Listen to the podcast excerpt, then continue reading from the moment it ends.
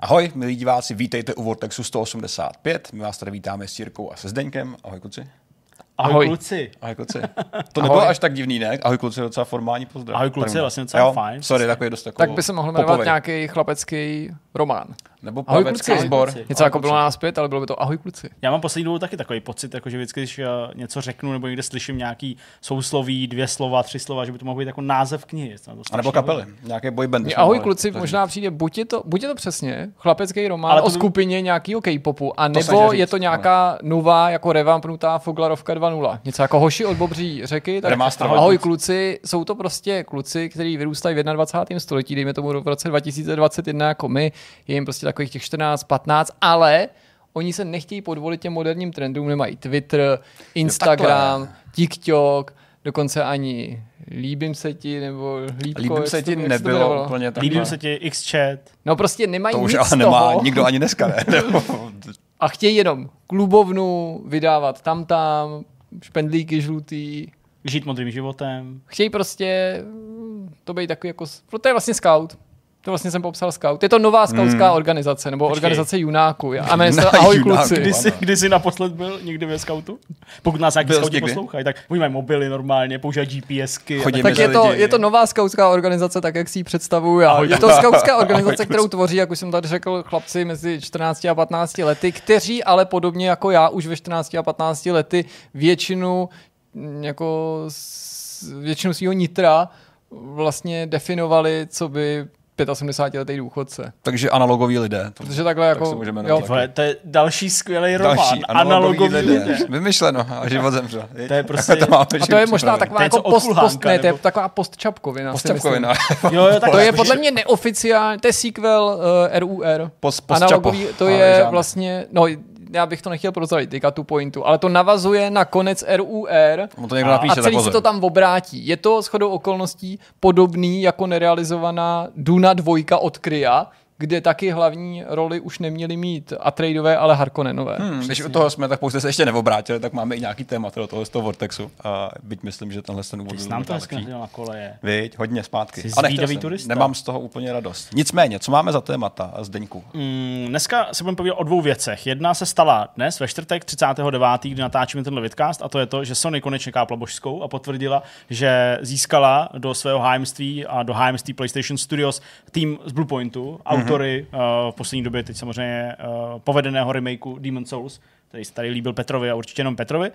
A pak druhý téma, to má Jirka. A to je právě ta Duna. Nebylo náhodou, že jsem ji zmínil. Budeme si povídat o Duně 1, tedy Duně bez číslovky, titulu, který v roce 1992 vydala společnost Cryo, Cryo Interactive, francouzský tým pod hlavičkou Virgin a společnosti Virgin a budeme si povídat uh, ani ne tak o tom, jak se ta hra hrála, to si myslím, že by bylo skutečně nošením dříví do lesa, přestože uh, tak trošku se ta hra nachází skutečně ve stínu té dvojky od Westwoodu. Jasně a do, i vlastně o té nomenklatuře mm. toho a proč je to jednička a proč je to dvojka. Budeme si prostě povídat spíš o tom, co to bylo za titul, kdo na něm pracoval a třeba právě proč se jmenuje tak, jak se jmenuje a proč ve stejném roce, v roce 92, vyšla rovnou druhá Duna, která okay. ale není pokračováním té první Duny. Ačkoliv tedy z pohledu vydavatele asi jo. Petr už nám to chtěl to posunout dál. Ne, já ještě posouvat nic. Ale jenom...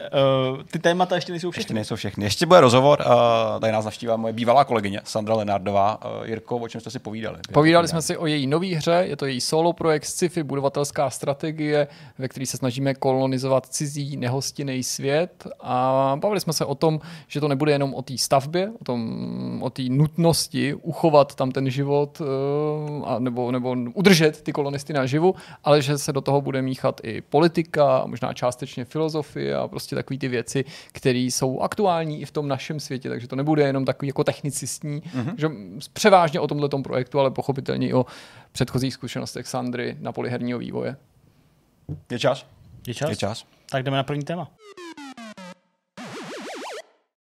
Pojďme na první téma. Tím tématem bude Jirkovo povídání o eh, Duně, jak už to tady před krátkou chvilkou v úvodu popisoval. Eh, budeme se bavit nejenom teda o té hře jako takový, ale spíš o okolnostech jejího vzniku, říkám to dobře? V zásadě. Eh, o tom příběhu toho, jak vznikla. Tak nás pojď uvést do téhle zvláštní situace, protože to nebyla jenom tahle Duna, ale právě pak ta dvojka, která vyšla a vlastně na ní nenavazovala. Mm-hmm. Já si myslím, že je to skvělá příležitost si o Duně popovídat, protože no, my tady jasně. všichni Petr možná o něco míň, ale O trošku míň, ale taky. taky. Vyhlížíme tu nejnovější filmovou adaptaci, pod kterou je podepsaný režisér Denis Villeneuve. Ze světa k nám míří, a nejen ze světa, samý superlativy nebo samý, samý pochvaly. A bez ohledu na to bychom na to určitě byli velmi zvědaví. To samozřejmě není ta první adaptace, mm-hmm. ta, ta první filmová adaptace, ta, kterou se podařilo realizovat, ta vznikla v roce 1984. Natočil David Lynch, sám o sobě nejen významný, ale i takový výrazný, řekl bych do jistý míry excentrický režisér. Jo. I v tom jeho portfoliu se do určitý míry vyniká, nebo vymyká vlastně tomu, ale O filmech asi v tomhle místě mluvit nechceme.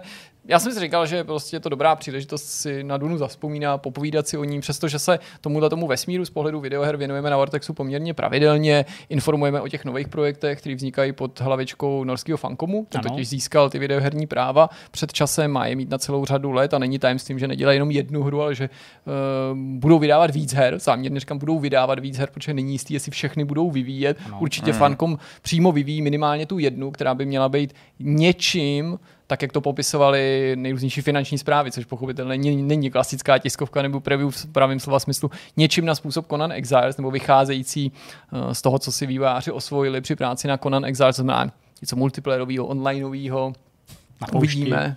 Na poušti. No, vlastně jo, vlastně, vlastně tam jenom dají to bude modely a bude to přesně.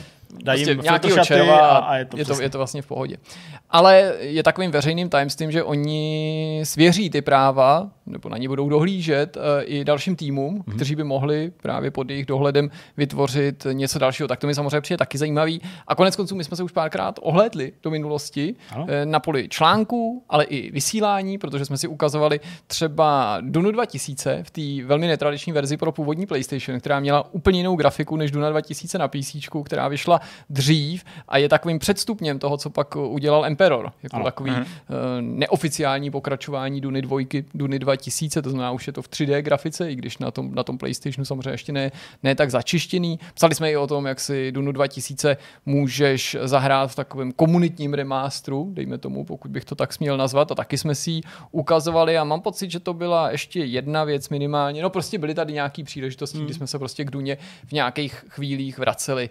No ale teďka musíme na úplný začátek, zvlášť pokud by se stalo, jak to taky zamýšlím, že z toho bude nějaký seriál minimálně na webu v případě těch článků a mm, vlastně jsme způsobem docela překvapení podle mě, že na tu první adaptaci došlo až v tom roce 92, i když na tom projektu se začalo pracovat už začátkem 90. let, v roce 90 začalo se jako kouketovat s těma právama, protože když se nad tím zamyslíte, tak Duna byla prostě silným brandem dávno předtím uh-huh. a vzhledem k tomu, že už v tu chvíli existovaly hry jako nějaký komerční médium minimálně 10 let, jak se na to kouká člověk od konce 70. let, kdy je to možný skutečně brát vážně, tak by vlastně nebyl překvapený, kdyby nějaká Duna přistála prostě hráčům do rukou mnohem, mnohem, mnohem To znamená 8 let po vydání filmu se objevila hra, je tam ten rozdíl 8 let. Přesně tak, ale je to důležitý ten film a proto jsem ho konec konců zmiňoval, protože ona se o něj do značné míry opírá. Ona uh-huh. sice nebyla označená jako jako oficiální adaptace nebo adaptace toho filmu, ale z těch práv vychází a ta hra to kdy prostě prozrazuje. A to dokonce i v té původní verzi, ale pak se dostaneme i k té rozšířený. V té jedničce si jednoduše řečeno měl před sebou příběh, který vycházel z té knihy, z toho, z toho prvního dílu a z toho filmu. Hlavním hrdinou je Paul Atreides, ty se ho chopíš, co by hráč a začíná to rovnou na Arrakis, tady máme odchylku od Jasně. knihy nebo filmu, prostě nacházíš se už, už na tom pouštním hmm. světě a tvým úkolem je vyhnat z toho světa Harkonneny, bojovat proti ním a samozřejmě zajistit, že koření bude proudit, zajistit tu zprávu, ale je v tom i nějaká diplomacie a tak. Samotný žánr je dost zajímavý, protože je to kombinace strategie a adventury. Mnohdy se o té první důně říká, jo, to je taková ta adventura, odkry a jasně first person, jak se tam chodí um, prostě po poušti nebo mezi jasně. těma jednotlivými prostě kmenama, nějaký fremeny navštěvuješ, ale ona je tam docela fakt důležitá ta strategická část, čím už to tak trochu předznamenává mm-hmm. ten mhm. druhý díl, ačkoliv vývojáři, kteří na tom dělali, samozřejmě jako neměli v tu chvíli nebo žádnou ambici rozvíjet to do podoby, do, do podoby strategie.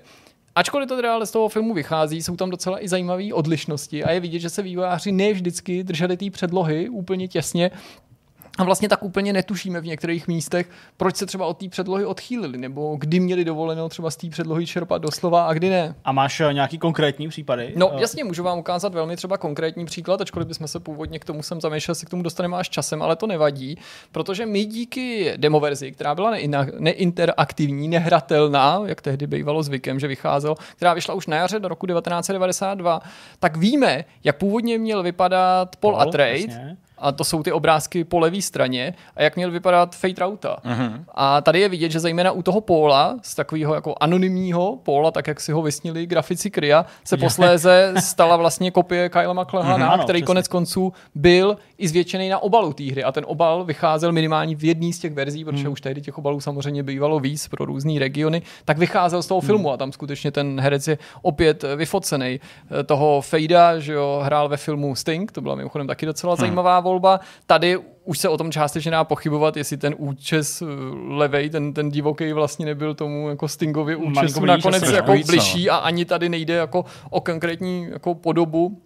Ale tady jsme třeba viděli, že došlo k nějakému posunu, ale přesto v té finální verzi se to zvláštním způsobem mísí. Jo? Tak jako Paul Atreides tam vypadá jako Cal McLachlan uh-huh. a zdá se, že se jedná o oficiální doprovod a doplněk toho filmu a Chápu, vychází jasně. to z těch práv, ale to neplatí pro všechny ty postavy. Třeba uh, Gurney Halleck má v té hře pleš, ale nevypadá jako Patrick Stewart a spousta a spousta Okay. okay. dalších herců, což samozřejmě může mít nejrůznější vysvětlení, včetně toho, že třeba autoři neměli možnost nebo finance na to, aby licencovali podobu každého toho jednotlivého herce a možná to těsnější pouto začali hráči vnímat třeba až po vydání CD verze, ale k tomu se taky asi dostanem, která pak obsahovala dubbing a obsahovala ty filmové scény, opravdu výstřižky z toho filmu, který původně Hezký spojení, nebyly součástí té disketové verze. Když je řeč o těch verzích, tak bych určitě měl zmínit i to, že hra vyšla na Amigu, PC, respektive DOS a ta vylepšená verze taky na Mega CD nebo Sega CD, chcete-li, uh-huh. na jeden z těch rozšiřujících Jasně. modulů pro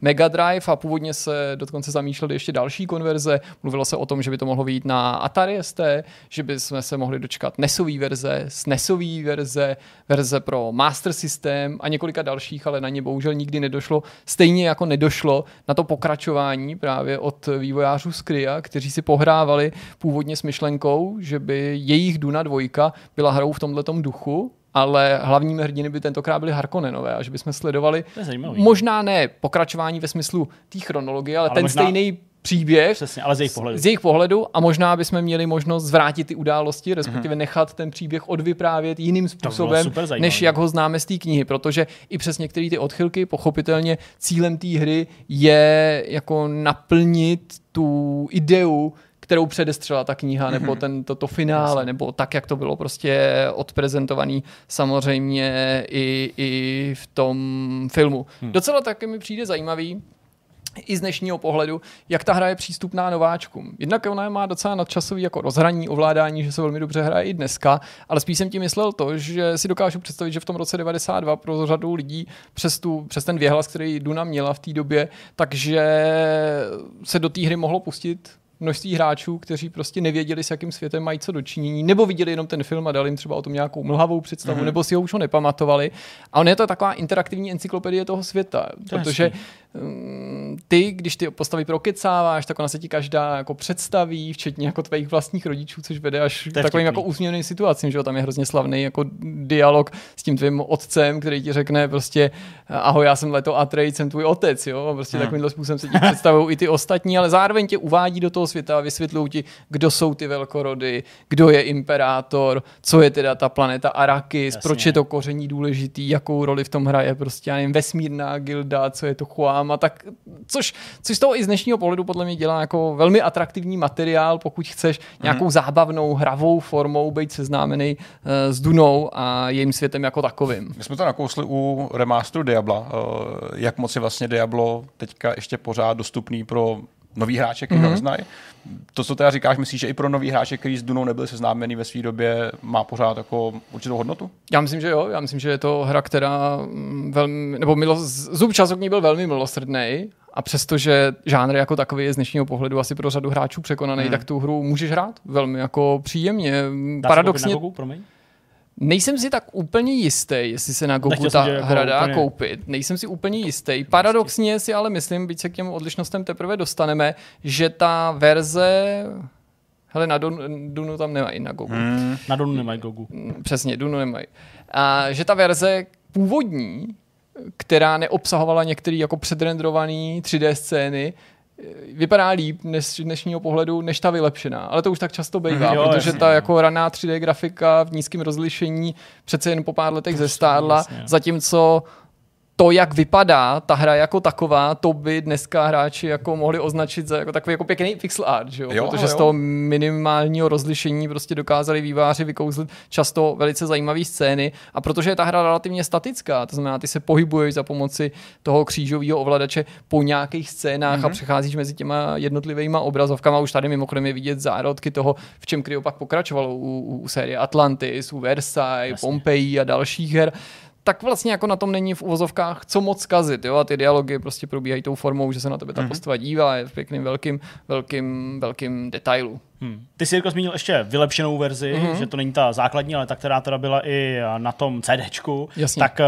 co teda nad rámec eh, toho dialogu, eh, těch dialogů, případně těch filmových scén přinesla, nebo jak byly zpracovaný vlastně? Ta samotná technologie CD-ROM v tu chvíli byla úplně nová. Byla to mimochodem jedna z prvních her, která byla nejen vydaná na, na tom CDčku, ale která se snažila nějak využít tu jeho zvýšenou kapacitu, že nešlo jenom o nějaký komfort instalování Hmm. a prostě používání té hry, ale eh, skutečně nabídnout hráčům něco navíc. Tak eh, byl to ten zmíněný dubbing, byl to ozvučení v ještě lepší kvalitě. Mhm. Mm-hmm. Soundtrack se ještě dostaneme, ale mimochodem ten původní soundtrack byl velmi kvalitní, takže to je něco, co hráči určitě ocenili. Byly to ty předrenderované scény, to znamená, byly tam určitý situace, některé obrazovky, které byly trochu odlišné. Týkalo se to třeba toho hlavního města na té Arakis, ale pak, když si zejména cestoval mezi těma jednotlivými bodama eh, po té mapě, tak se ti prostě přehrála hezčí animace. Mm. On nějakým způsobem ta cesta byla už v té původní verzi zobrazená, mm. ale tady to prostě bylo jako pěknější, když z dnešního pohledu je vlastně otázkou, jestli to skutečně pěknější je. No a pak jsou tam ty střípky z toho filmu Davida Lynche, takže vlastně přepracovaný celý ten úvod, který je mnohem takový honosnější, ale i ty jeho střípky jako nenahrazují zcela tu původní grafiku, takže to taky docela zajímavý, že sleduješ kusy toho filmu, samozřejmě v kvalitě, která jako je poplatná té době nebo té tehdejší kompresi, že jo, prokládaný obraz v nízkém rozlišení, ale zároveň místy pak sleduješ tu, uh, tu původní grafiku nebo to původní kreslený intro, který vlastně je svým způsobem taky docela kouzelný. Jirko, dokážeme nějak vyjádřit nebo zjistit eh, dobový úspěch? Finanční, komerční, jak byla hra přijatá ve smyslu třeba prodejů a nějakého rozsahu? Hele, ty prodeje a ty, ty, to, ten komerční úspěch vyjádřit nedokážu, mm. protože to není úplně něco, co jsem nenašel, to by znělo, jako že jsem to hledal a nepovedlo se mi to.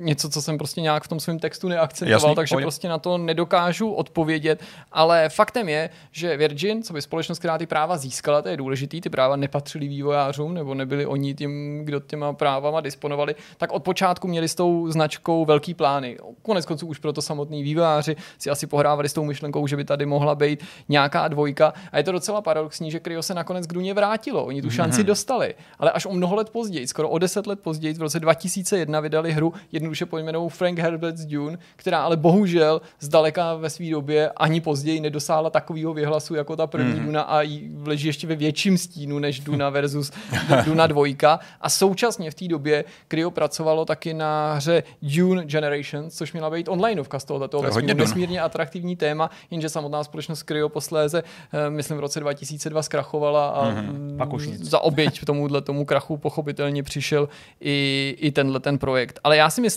že bychom se vlastně měli vrátit na ten začátek k těm důvodům, proč teda tady máme nějakou No Dunu jasně. 1 a Dunu 2. Tak jak jsem říkal na začátku, Duna 2 vyšla ve stejném roce ne z dnešního pohledu, ale už tehdy to hráčům přišlo mimořádně divný a ten příběh je mnohem komplikovanější, než jak já ho podám, protože je do něj zapojených řada lidí. Zjednodušená verze by zněla ale asi takhle. Vývojáři Duny jedničky v Kryu dělali na té hře poměrně dlouho. Mnohem díl, než si společnost Virgin představovala a v nějakou chvíli jim vydavatel jednoduše přestal věřit. Ztratili tu jeho důvěru Hmm. a opakovaně jim vyhrožoval, že jim ten projekt vezme. Že jim vezme ty práva, že to, To přestane financovat To a že tu motivace. hru prostě nakonec nikdy nevydají. Konec konců z Evropy do americké pobočky putovaly nějaký ukázky a ty se tam Virginu ani trochu nezamlouvaly. Došlo to tak daleko, že Virgin začal skutečně vážně koketovat s myšlenkou, že ten projekt vezme a svěří ho někomu jinému. Ale ne projekt ve smyslu té rozpracované hry, ale prostě, že nechce nechat ty práva vyletět komínem. Okay. Už pravděpodobně tehdy byly ty práva navázané na určitý počet projektů v určitém období a ten čas, který ztrácíš, tě samozřejmě vždycky v tomhle případě mrzí. Takže se obrátili na Westwood a požádali je, aby vytvořili hru. Tu hru dneska známe pod názvem Duna 2, protože oni se pustili do zcela odlišného projektu a ve chvíli, kdy se do toho Westwood pouštěl, tak vůbec netušil, že ta původní Duna je pořád ve vývoji. No jasně. Protože došlo k tomu, že se tam dvě pobočky toho Virginu v podstatě neschodly tom, co se s tou Dunou odkryje má stát. Mm-hmm. A zatímco ta americká byla jednoznačně proto, aby ten projekt byl zrušený, odpískaný, tak ta evropská výváře podržela a výváři na tom dál potají pracovali a nakonec se jim to podařilo dokončit. A nejen, že to dokončili, ale dokončili to dřív než Westwood, což samozřejmě nepůsobí až tak hrdinský výkon vzhledem k tomu, že na tom dělali nějakou jasně. dobu, ale do, stačili to dokončit dřív než Westwood navzdory tomu, že Virgin ani nevěřil, že to dotáhnou do finále a nakonec se jim povedlo to udělat tak dobře, že přesvědčili i tu americkou kancelář. Aby to oficiálně vydali. Aby to oficiálně vydali, což bylo samozřejmě to dobrý punk, z toho pohledu, jako když, když na, tom, na tom projektu pokračovali, uh, ohromný, ohromný riziko. Hmm. V tu chvíli se teprve Westwood dověděl, že oni na tom celou dobu dělají a Hra, která dorazila první na trh, se jednoduše jmenovala Duna. A, a hra, druhá? která podal, do, měla dorazit po ní, prostě musela dostat jiný název. Nemohla se jmenovat Duna a někomu ve Virginu se zdálo logický pojmenovat Duna 2. Přestože ty hry vyšly ve stejném roce a, a přestože nemají spolu nic společného a navzdory tomu, že se to přirozeně ani jednomu z těch vývářských týmů ani trochu nelíbilo, protože vývojáři jedničky měli pocit, že vlastně jim někdo uzmul možnost na tom pokračování pracovat, protože najednou tady byla nějaká Duna 2 a to rozhodně to nebyla ta jejich idea. A naopak Westwood byl zase naštvaný, protože byl až tou druhou hrou vstupující na trh, byť se s odstupem času ukázalo, že jí to na popularitě rozhodně jako nevzalo. Hmm a v jistém smyslu to působilo jako, že Westwood dělá nějaký pokračování, ale oni pokračování nedělají. Oni dělají svůj, svůj vlastní projekt eh, a navíc, že ta jednička je v tomto smyslu mnohem autentičtější třeba než ta dvojka, Jasně. jako se snažila být, že tam ta autoři popustili jako víc Jasně. úzdu fantazii, hmm. že vymysleli do toho svý vlastní věci tak, aby to jako ohli, aby se to jako hodilo na to, na to, co dělali prostě na ten, hmm. na ten žánr. No a tím se blížím v zásadě do finále, můžu teda jenom zmínit ten soundtrack, ani v té době nebylo, nebo v té době ještě nebylo úplně běžný, že by hudební doprovod herní vycházel na CD. Prostě to samo o sobě, že se stalo, tak vlastně bylo nějakým vyznamenáním pro ty skladatele. Byla to dvojice lidí, která tu hudbu skládala. Vyšlo to pod názvem Dune Spice Opera, docela vtipný název. Ta původní edice je mimochodem docela jako vyhledávaným artiklem dneska, pokud jde o nějaký jako sběratelský unikáty, taková, taková raritka. eBay. Ne, ne, já se si podíval, jestli to je tam na Spotify. Že jsme to mohli koupit rovnou. jo, jo. A nad rámec toho je tady pak pár věcí, které mě tak jako zaujaly, když jsem ten článek sepisoval. A to jsou spíš takový jako uh, highlighty, jak uh, prostě do té práce se můžou prostě propsat ty věci z toho našeho normálního světa. Co tam a někdy jsou tam vidět a někdy úplně ne. Tak třeba v době, kdy Cryo na tomhle projektu pracovalo, tak uh, probíhala válka v zálivu. První válka v Perském zálivu. A ta se mimo jiné proslavila, co by po Větnamu, ještě ve větší míře konflikt, který skutečně diváci tentokrát už ne ve Spojených státech, ale po celém světě mohli sledovat v přímém přenosu hmm. ze, svých, eh, ze svých obejváků na obrazovce. A určitě i řada našich diváků si vybaví, že jakýmsi nositelem nebo hybatelem těchto těch přenosů byla televizní stanice CNN, co by tehdy dominantní spravodajský kanál, nebo tím je do značné míry i dneska, ale tehdy prostě ta dominance byla jako zcela hmm. výrazná a že prostě e, reportéři zůstávali v Bagdádu, a tak dál a tak dál. A při tomhle tom, při, tom, při té ofenzívě americký, kdy, kdy pak ustupovali samozřejmě ty Iráčani, vznikly takový ty ikonický třeba noční záběry na nebe, ve kterým byla vidět eh, ta, ta, ta, ta protiletecká palba. Hmm, jasně. nebo z takových těch noktovizorů. A to jsou věci. Záře, prostě přesně, přesně. A lítající projekty, hmm, prostě sprchující nějak nebe, prostě něco na nebi, co ani nevíš. Tak to jsou věci, které se přímo v té hře objevily v bitevních sekvencích, v intru a v Aha. dalších částech. Aha, no a pak si taky hráči všimli, a všimli si toho správně, že některý fremeni, kterých v té hře potkáš, se nápadně podobají skutečným lidem, nějakým existujícím osobnostem. A, a, že to ne, ne skutečným fremenům, i když to vlastně v některých případech. No pokud by si třeba uh, výstředního beduína, libýského vůdce Muamara Kadáfího, dnes už nežijícího, považoval za, za fremena, a on do jistý míry vlastně byl fremenem. A pokud by si měl pocit, že ho v té hře vidíš, v jednom tak, z těch tak, to není pocit. tak, se ti to, tak to není pocit, tak se ti to nezdá, tak je to pravda. Ale aby to bylo jako politicky vyvážený, tak stejně tak si ve hře mohl narazit na iránského ajatoláha Chomejního. Mohl si tam ale potkat i malíře Salvátora Dalího, anebo spisovatele Salmana Raždího. Takový pestý spektrum lidí, tam si potkal fakt řadu. Jsem nevěděl, Docela... že to fremeni, to je Oni to možná o sobě taky nevěděli, že jsou fremeni, ale v každém případě hmm. jejich jako podoba ovlivnila grafiky a do určitý míry se tak jako do té hry dostali. No.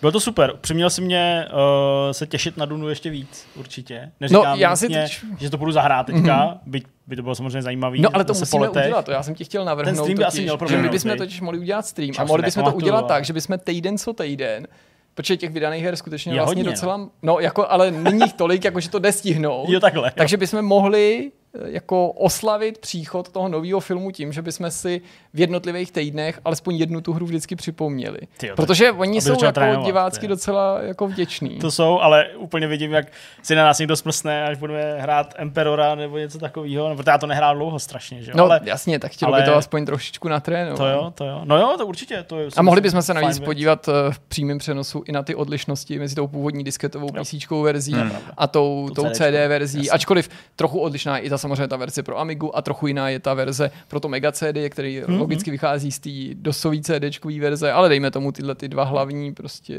no. kousky. Klepe to na dveře, já vlastně nevím, jak to vychází nějak v půlce října, má být už v, Čech, v Česku, no, protože pocit, že někdy v druhý půlce v okolních října. zemích, vím, že spoustu mých známých jelo do Rakouska, třeba do Vídně, tuším, do Drážďan, taky mm-hmm. do mhm. Německa koukat uh, a tak dále. Až takhle brzo. Tam už, to, tam už to je v kinech.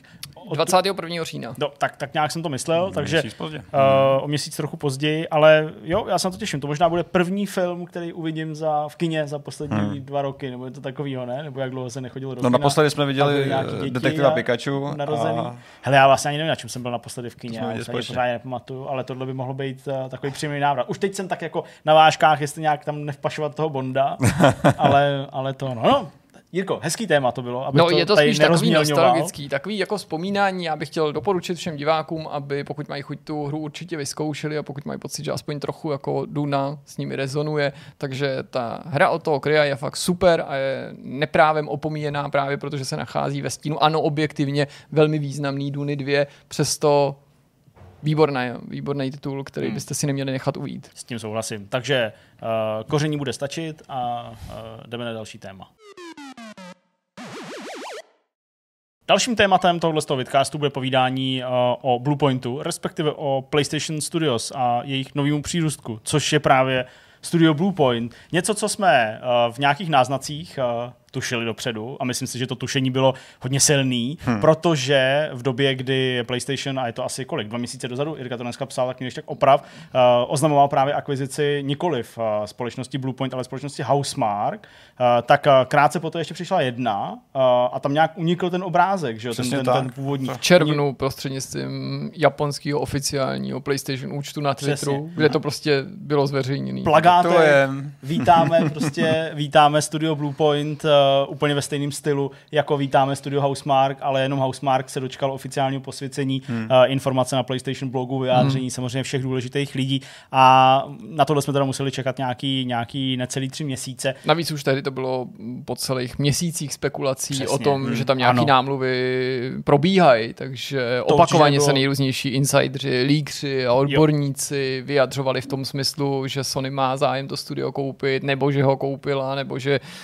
ty námluvy jsou v nějakých jako hmm. jako posledních fázích, takže řada fanoušků to, myslím, považovala za zprávu, na níž se čeká jenom ve smyslu toho potvrzení. No. Hmm, hmm. Uh, no, teď asi bychom se měli bavit uh, o tom možná, co to znamená pro to portfolio, možná zhrnout třeba, kdo všechno teď jako nově třeba i patří pod PlayStation Studios a, a případně i možná nějakou, jako, nějaký medailonek Bluepointu, mm. a případně nějakou vizi do budoucna, jestli právě třeba tím, a, že dokázali a, už nikoliv a, pracovat na něčem, co udělal někdo před ním ve smyslu nějakého portu, ale že pracovali na vlastním projektu, čímž byly ty Demon Souls, ten, ten, ten remake, jestli si jako vysloužili ty ostruhy, aby se mohli pustit hmm. do nějakých dalších projektů. Tak to asi vezmeme možná o těch posledních akvizic, ještě kdo jako dopor, uh, doprovodil Bluepoint. Je to vlastně čtvrtá nebo pátá akvizice podle toho, jak se to vezme. Můžeme vlastně do toho rovnou klidně naběhnout, že a vy mě doplňujte. Jasně. Byl to ten Housemark mm-hmm. zmíněný, byl to Nixes, což jsou odborníci taky na portování, na porty, ale v tomhle smyslu opravdu jako portování, nikoli prostě vylepšování, mm-hmm. jasně, anebo portovali, že jo, třeba nevím, na 360 toho Tom Pridera, že jo, tak tam šlo o to, jak vyřešit ten downgrade, aby ano, to vypadalo ano. dobře, protože ta hra byla šitá už na míru novýmu Xboxu tehdy. Pak je to Fire Sprite, liverpoolský tým, o kterém se mluví, že to je takový jako duchovní pokračovatel eh, Psygnosis, nebo Liverpool Studio. To leto studio se jenom pár hodin naspět rozrostlo o, o Fabric Games. Fabric Games, tým, který v pravém slova smyslu asi jeho nákup neiniciovala už Sony, ale tahle ta akvizice. Mhm. zřejmě byla jako plánovaná, protože je nutný říct, že Firesprite se jako tým ještě před nákupem Sony opakovaně rozrůstal. Mluvili jsme tady o něm a britský média ho popisují jako nejrychleji rostoucí britskou firmu. Hmm. No a teď je, to, teď je to ten Bluepoint, který navzdory tomu, že má asi největší renomé, možná paradoxně i větší renomé než Housemark, přestože to je tým, který má jenom 15 let, a přestože to je tým, který primárně netvoří svý vlastní hry, tak mám pocit, že si jako uh, vysloužil strašný, strašně, jako strašně zvučný jméno mm-hmm. těma svýma projektama, jo. zcela právem.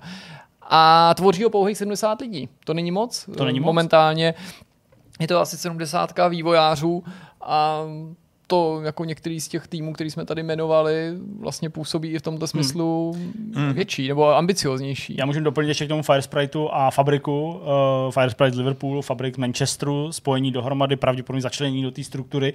A Firesprite je jednak jedno z nejrychleji rostoucích britských studií, ale v tuhle chvíli už asi jedno i z jako z největších, možná to největší, protože to má na rozdíl od Bluepointu uh, v tuhle chvíli o 200 zaměstnanců víc, to znamená kolem 270, hmm. což je hmm. hrozně moc a vlastně z pohledu Sony si myslím, že tohle strašně zajímavý, protože oni prostě tady získali fakt jako obrovský tým, který je schopný dělat velké hry i díky tomu, že teda uh, ten odkaz uh, na, tu, na tu minulost mají a že jsou vedený těma uh, veteránama. Ale pojďme k Bluepointu, protože uh, to má být o Bluepointu. Uh, ty jsi tady mluvil o tom, že to studio nefunguje nějak převratně dlouho, byť 15 Je to 15 let. let. 15 let je už velice dlouhá doba.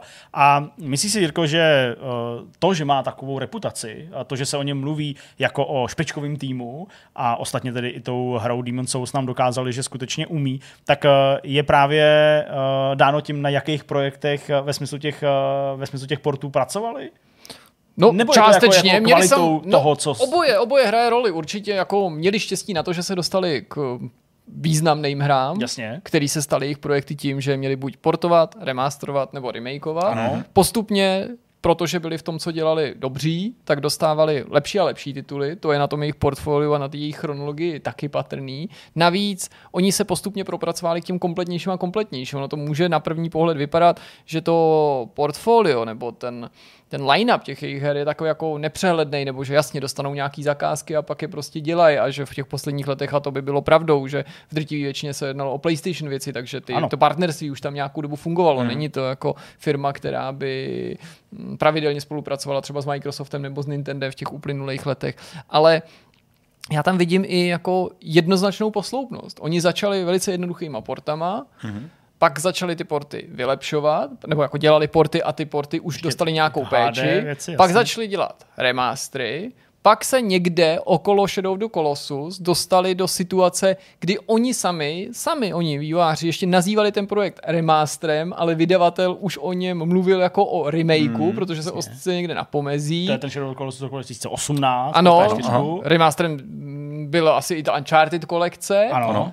A od toho se dostali k tomu plnohodnotnému remakeu, kterýma byly ty Demon Souls. A teď je otázkou, jestli ta skutečnost, že se dostali pod křídla Sony, bude znamenat, že budou dostávat příležitosti dělat další a další vylepšený verze starších hitů, protože na to se částečně v tom oficiálním vyjádření odvolávají, že je to mm-hmm. skvělý být součástí rodiny PlayStation, mimo jiné z toho důvodu, že PlayStation tvoří celý katalog ikonických značek a oni už se těší na další projekt, i když výslovně neříkají, nejen co to bude za projekt, ale neříkají ani, že tím dalším projektem bude vylepšená verze nějaký ikonický značky. A nebo jestli se potvrdí spekulace, který běží minimálně druhým rokem, nezávisle na těch spekulacích o tom, kdo je koupí a zda je někdo koupí. A sice, že se pustí do nějakého vlastního projektu. A vzpomeňte si, že o tom, že mají dělat svůj vlastní projekt, se mluvilo ještě předtím, než se začalo spekulovat, na tož pak, než byl oficiálně potvrzený ten remake toho Demon Soul. Mm-hmm. Tak poměrně dlouho se mluvilo o tom. A to by znamenalo, že možná jako zaznamenají podobný vnitřní vývoj jako třeba ten Aspire. Mm-hmm. Taky si... společnost, jako, která začala u konverzí, možná nějaký ty části přeskočila, protože pak dělají remastery vlastně plno a do těch remakeů naskočili s takovým velkým projektem jako je Kotor. Mm. A bych si skoro troufnul tvrdit, že vlastní projekt nebo ambice vyvíjet vlastní projekt asi není možný naplnit, pokud nebudeš mít takhle silného partnera, protože víme, že, že Bluepoint byla hlavně technologická firma z velké části, která prostě má to technologický know-how z dokumentu o vývoji Demon Souls jako remakeu víme, že už byly dost silný vizuálně, graficky, řadu věcí si museli přepracovat, vyrobit znovu, uh, už to nebyl jen jednoduchý remaster. A už tam bylo cítit, jak jsme nabalují ty vrstvy jako ta cibule, že prostě máš ten technologický tým jako v nějakém středu, kolem toho máš ty umělce, už samozřejmě musíš mít nějaký jako game designéry a to už vlastně připomíná strukturu a fungování klasického herního studia, který vyvíjí úplně nový projekt. Jasně. Současně ale vyvíjet něco nového znamená jako mnohem větší investice. 70 lidí asi není úplně něco, s čím dneska vyvineš něco ultra nového a velkého, kde myslím, že ty ambice zrovna leží. Takže nemyslím si, že, že, že ta akvizice Sony uh, přišla ze strany toho, že Sony chce nějaký nový titul, tak je pojďme pohltit ale že to bylo spíš jako v obou straně, možná spíš jako chtěný ze strany Bluepointu. Pojďte nás koupit, ať můžeme dělat něco nového. Hmm. Že to není požadavek toho vydavatele, který tě teďka vlastní, Sony, ale ty sám máš ten push prostě vyrobit něco dalšího. A zajímá mě, jestli se na tady to skutečně dostane, jestli tady bude nějaký nový titul, zdali si udrží ty dvě linky, zdali tady děláme nějakým týmu novou hru a tady si udržujeme to know-how a remasterujeme hmm. a remakeujeme ty staré tituly. No, byla by škoda, kdyby se toho úplně vzdali, byť bych Právě. taky od nich vlastně rád viděl jejich něco vlastního. A když říkám vlastního, tak tím nemyslím nutně jenom novou IP, ale tím vlastním projektem si dokážu představit i pokračování nějaký z těch zavedených značek, o který se otřeli, nebo který zmínili, jako že to je ta síla toho PlayStationu. Takže hmm. Třeba plácnu, jo, kdyby oni vytvořili pokračování Wipeoutu, nikoli hmm. remaster, remake, ale přesně jako Petr sdílím taky to přesvědčení, že by bylo hezký, kdyby vedle vlastního projektu, který bych od nich viděl rád, protože mě zajímalo, jak takovýhle talent eh, se projeví hmm. u něčeho zcela původního nebo uh, původního opírajícího se jenom o existující IP, ale nechtěl bych, aby jsme přešli o takhle talentovaný studio, který je pro fanoušky zárukou toho, že když už se ten projekt oznámí, takže se dočká ta vylepšená verze, ať už nakonec ta péče je v jakýkoliv té úrovni jako adekvátní pozornosti. Mm-hmm. Protože máme tu i jiný známý studia, který se na to specializují, jako jsou třeba Virtuos mm-hmm. a některý další, ale málo kdo z nich má reputaci že na co sáhne, to se jim povede.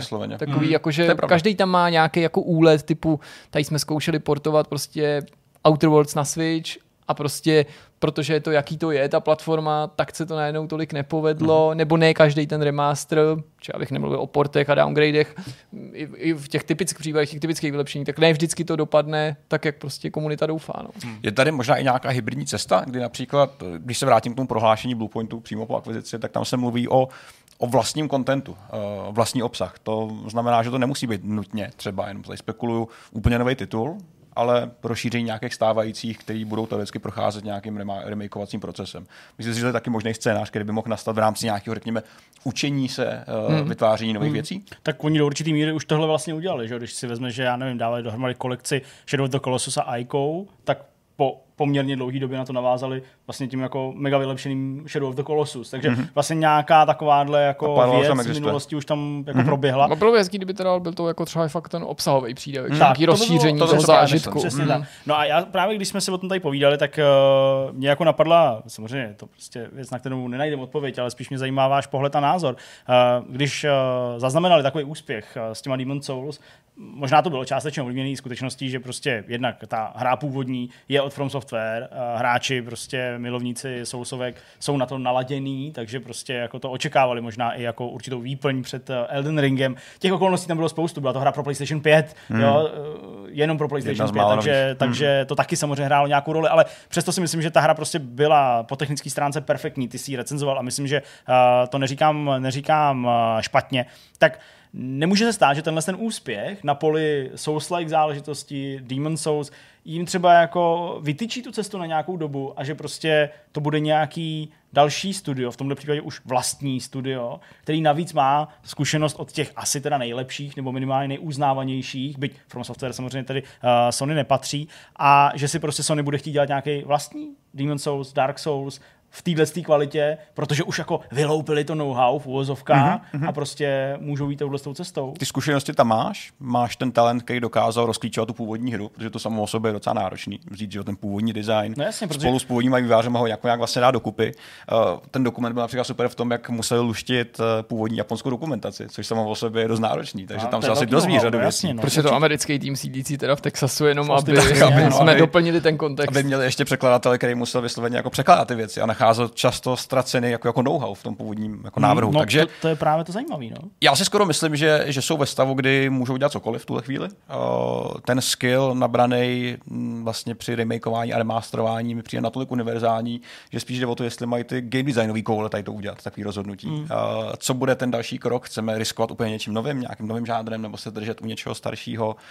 Nebo se například podílet na vývoji s nějakou třetí stranou. Vys um, pracovat na hře spolu s uh, From Software například další, není to popírání na co by se to mohlo stát. From Software vyvíjeli, že Bloodborne ve spolupráci se Sony. Není tady nějaký jako joint cooperation, jak se říká, který by to dokázali vytyčit Těch variant, které se můžou stát, je spousta.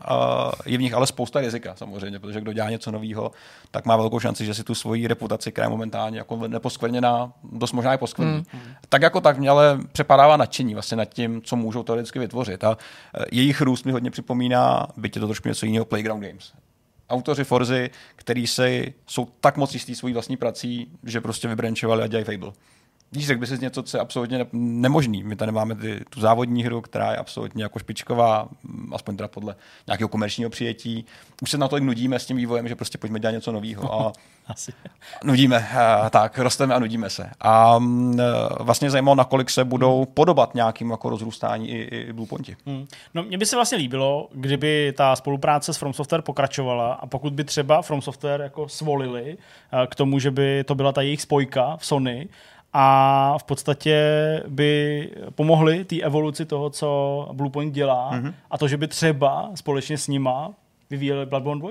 Ostatně je to... hru, uh, nad kterou taky jako hráči neustále... Neříkej, no, nebo vylepšenou polemizu. verzi toho prvního dílu, protože tak. si vzpomeňte na to, kolikrát se mluvilo o tom, že se, ať si myslíte, že to je potřeba nebo není, že, že, že, že Bloodborne má znovu vyjít. Jako, jo, to jo, taky jako... tvrdila řada insiderů, i když to... nevíme, jestli se to zakládalo na pravdě. krok zpátky, pokud by to nebyl mm-hmm. remake, mm-hmm. ale zase remakeovat hru, která není tak stará. Demon Souls jsou Potřebuje nějaký polish, ale ne tak velký. Tak přesně, takže by to byl zase ten remaster, to mi vlastně jako přijde trochu škoda. Jo? Ale není to úplně nepravděpodobný. Vezmi si, že víme, že From Software trpí kapacitama, respektive nedostatkem. Víme, jak dlouho se tady...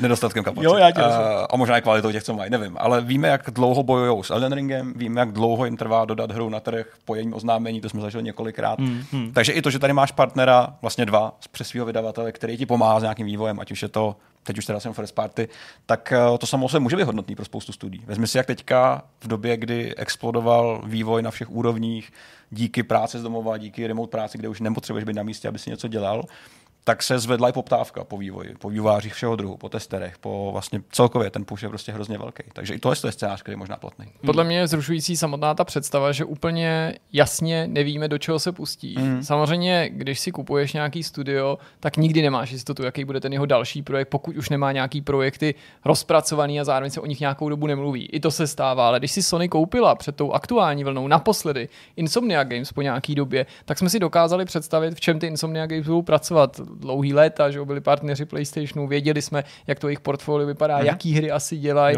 A ano, od té doby nás opakovaně překvapili tím, v jakém množství a v jaký kvalitě jsou ty schopní ty tituly dodávat. Asi i díky uh, financím. Množství lidí, a, a jo, a jako tomu, tomu zázemí, který ti PlayStation Studios a Sony, Sony dává. V případě Nixes o tom můžeme do určitý míry spekulovat, ale drtivá většina lidí by asi odpověděla, že je přesvědčená, že Sony si tenhle ten tým koupila primárně proto, aby jí pomohl i do budoucna, tak jak si to osahali, převádět PlayStation exkluzivity vybraný na PC. Mm-hmm. To s ohledem na jejich specializaci dává smysl. Tady je těch eh, potenciálních směrů a možností, to kam vlastně. by se mohli vydat víc a to je zajímavý. Zajímavý je to už proto, že uh, i ta sama skutečnost, kdyby dělali jenom ty vylepšené verze, by nám asi přišla Tak. lákavá a mohli hmm. bychom se tady bavit o celý řadě uh, legendárních značek, které by si zasloužili nějakou novou vylepšenou verzi, ale skutečnost, že tady může být zatím tato větší ambice, mi přijde prostě, že je takovým jako větším příslibem, mm-hmm. i když zároveň mě se nad tím vším znáší jeden otazník, a to je skutečnost, že si myslím, že nejen v případě Demon's Souls, ale i některých z těch starších her na tu jejich práci někdo dohlížel. A tím bylo Japan Studio.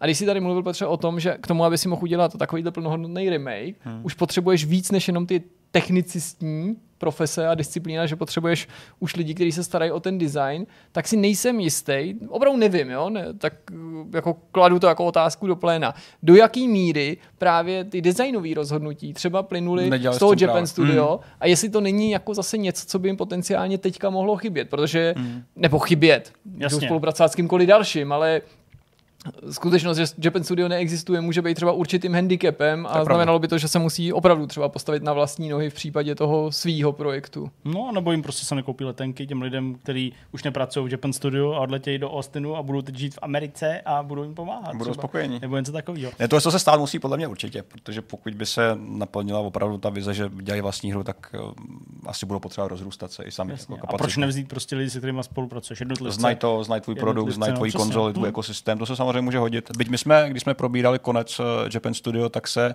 i zmiňovali nějaký, řekněme, putování těch vývojářů do všech možných studií kolem, ale nebylo úplně No asi jo, řečený, jako jo. Řada z se rozpustí v rámci Sony, ne? To jsme neřešili úplně. No, no, řada si našla z těch významných takových těch, že by si označil za vývářský persony nový místa, nebo si založila vlastní tým, jako Hmm, je hmm. ten autor Silent Hillu a Gravity Rush, který založil ten s kolegama ten nový tým Boke, ale takových bylo víc, že jo, ale zdaleka ne každý, ten tým tvořili stovky lidí, tu, Mhm. tu společnost nebo tu, tu divizi a zdaleka ne každý je takovou celebritou, takovou osobností, aby média herní Hmm. sledovali ty jeho další kroky. Hmm. No, tak jo, tak uh, je to zrušující.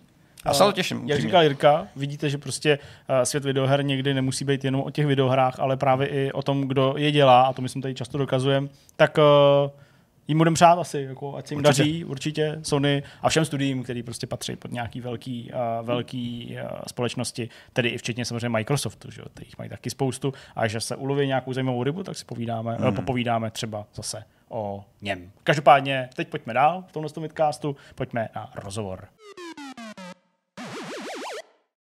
Naším dnešním hostem je Sandra Lenardová a budeme si povídat o jejím projektu Alien Horizon, což je nová sci-fi budovatelská strategie, na který pracuješ jen ty sama. Říkám to správně? Ano. Vítej, moc uh, jsme rádi, že jsi přijala pozvání Ahoj, k tomuto tomu rozhovoru. Rádo se stalo. Ze všeho nejdřív, myslím, bude určitě užitečný, abychom si tě trochu představili a aby naši diváci věděli, jaký jsou vlastně tvoje zkušenosti na poli herního vývoje, protože do toho eh, projektu by se určitě nepustila jen tak z ničeho nic. Tak eh, kdy jsi vlastně začala koketovat s tvorbou vlastních her? No, úplně koketovat jsem začala někde uh, už v dětství vlastně, když, Mhm. mm. když ono, asi většina herních vývářů, když začínala, tak uh, nebo když se poprvé setkala s hrama, tak uh, jejich, jedna z jejich prvních myšlenek byla, že by chtěli je začít dělat. Takže když už jsem začínala uh, v dětství hrát hry, tak jsem se hned do toho chtěla pustit a naštěstí jsem Měla, měla jsem to štěstí, že eh, na základní škole, na kterou jsem chodila, byl, byl kroužek programování, hmm. takže už ve 12 jsem se do toho pustila. To je dobrý. A co byla třeba nějaká prvotina, jestli si vzpomeneš ještě? Ty jo, to asi nestojí moc za řeč, ty věci, co jsem tehdy Dobře. dělala. No tak dobře, tak se přesuňme k těm věcem, která tady, který stojí za řeč, nebo k těm, který už považuješ za zajímavý. Možná to bude pře, už souviset s tím přerodem nějakého amatéra a nadšence v profesionála. Eh, Před kolika lety se tedy začala živit vývojem her? No, ži, vývoj, ono záleží, co přesně je tou definicí živý vývojem her. Já jsem nejdřív začala dělat jako testerka v Disney Mobile, Disney Mobile Games. Mhm. To určitě do toho počítáme, No, i když asi jo, no. si ty hry netvořila třeba aktivně. Netvořila jsem je přímo, ale podílela jsem se na nich. Jasně. A to bylo už v roce 2012. Mhm. A už tehdy jsem se, jako aspoň ve, ve svém volném čase, taky snažila nějaké ty svoje hry dál, dál, dál i dělat, Mhm. i, i vyvíjet ty svoje. Ale zase to byly projekty, které nestojí moc za řeč. Hmm. No a pak eh, v roce 2014, když Disney Mobile bylo rozpuštěno, tak jsem se pustila do vlastní tvorby úplně na plný úvazek. Mhm. A vydala jsem svou první hru eh, jménem Color Assembler. Můžete si ji koupit na Steamu. Mhm.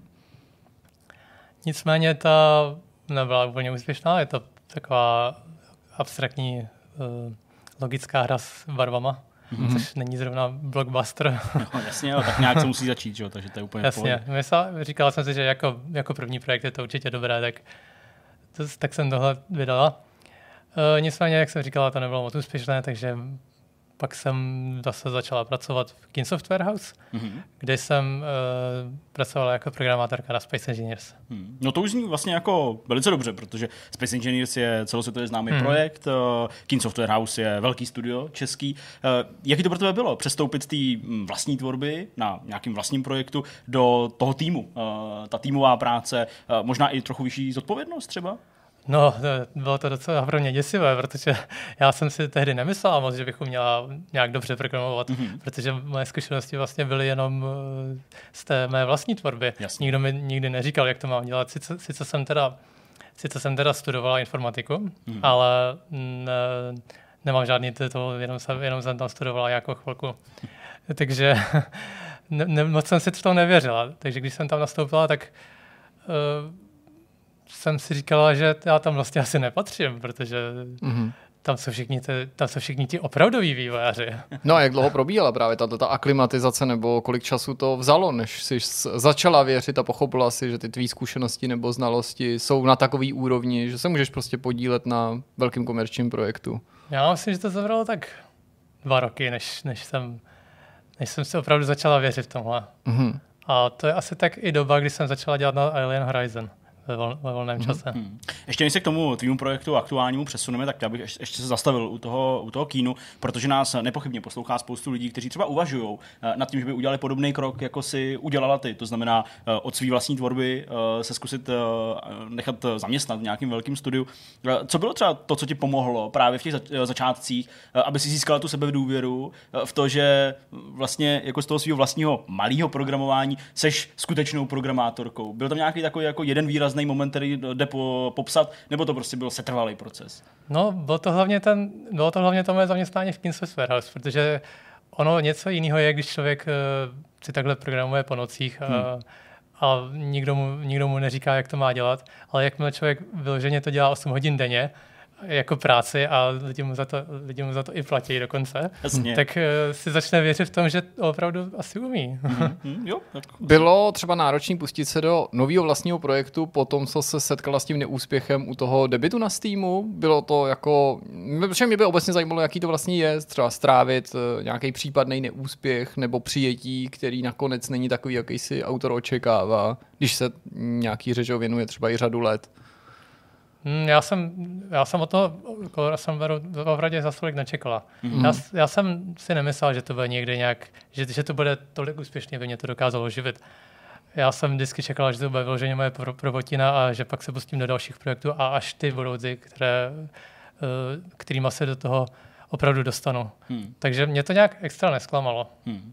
No, uh, ještě než se úplně přesuneme k aktuálnímu projektu, tak co byl ten impuls uh, odejít z kínu uh, nechat práci v King Software House být a věnovat se naplno vlastní hře?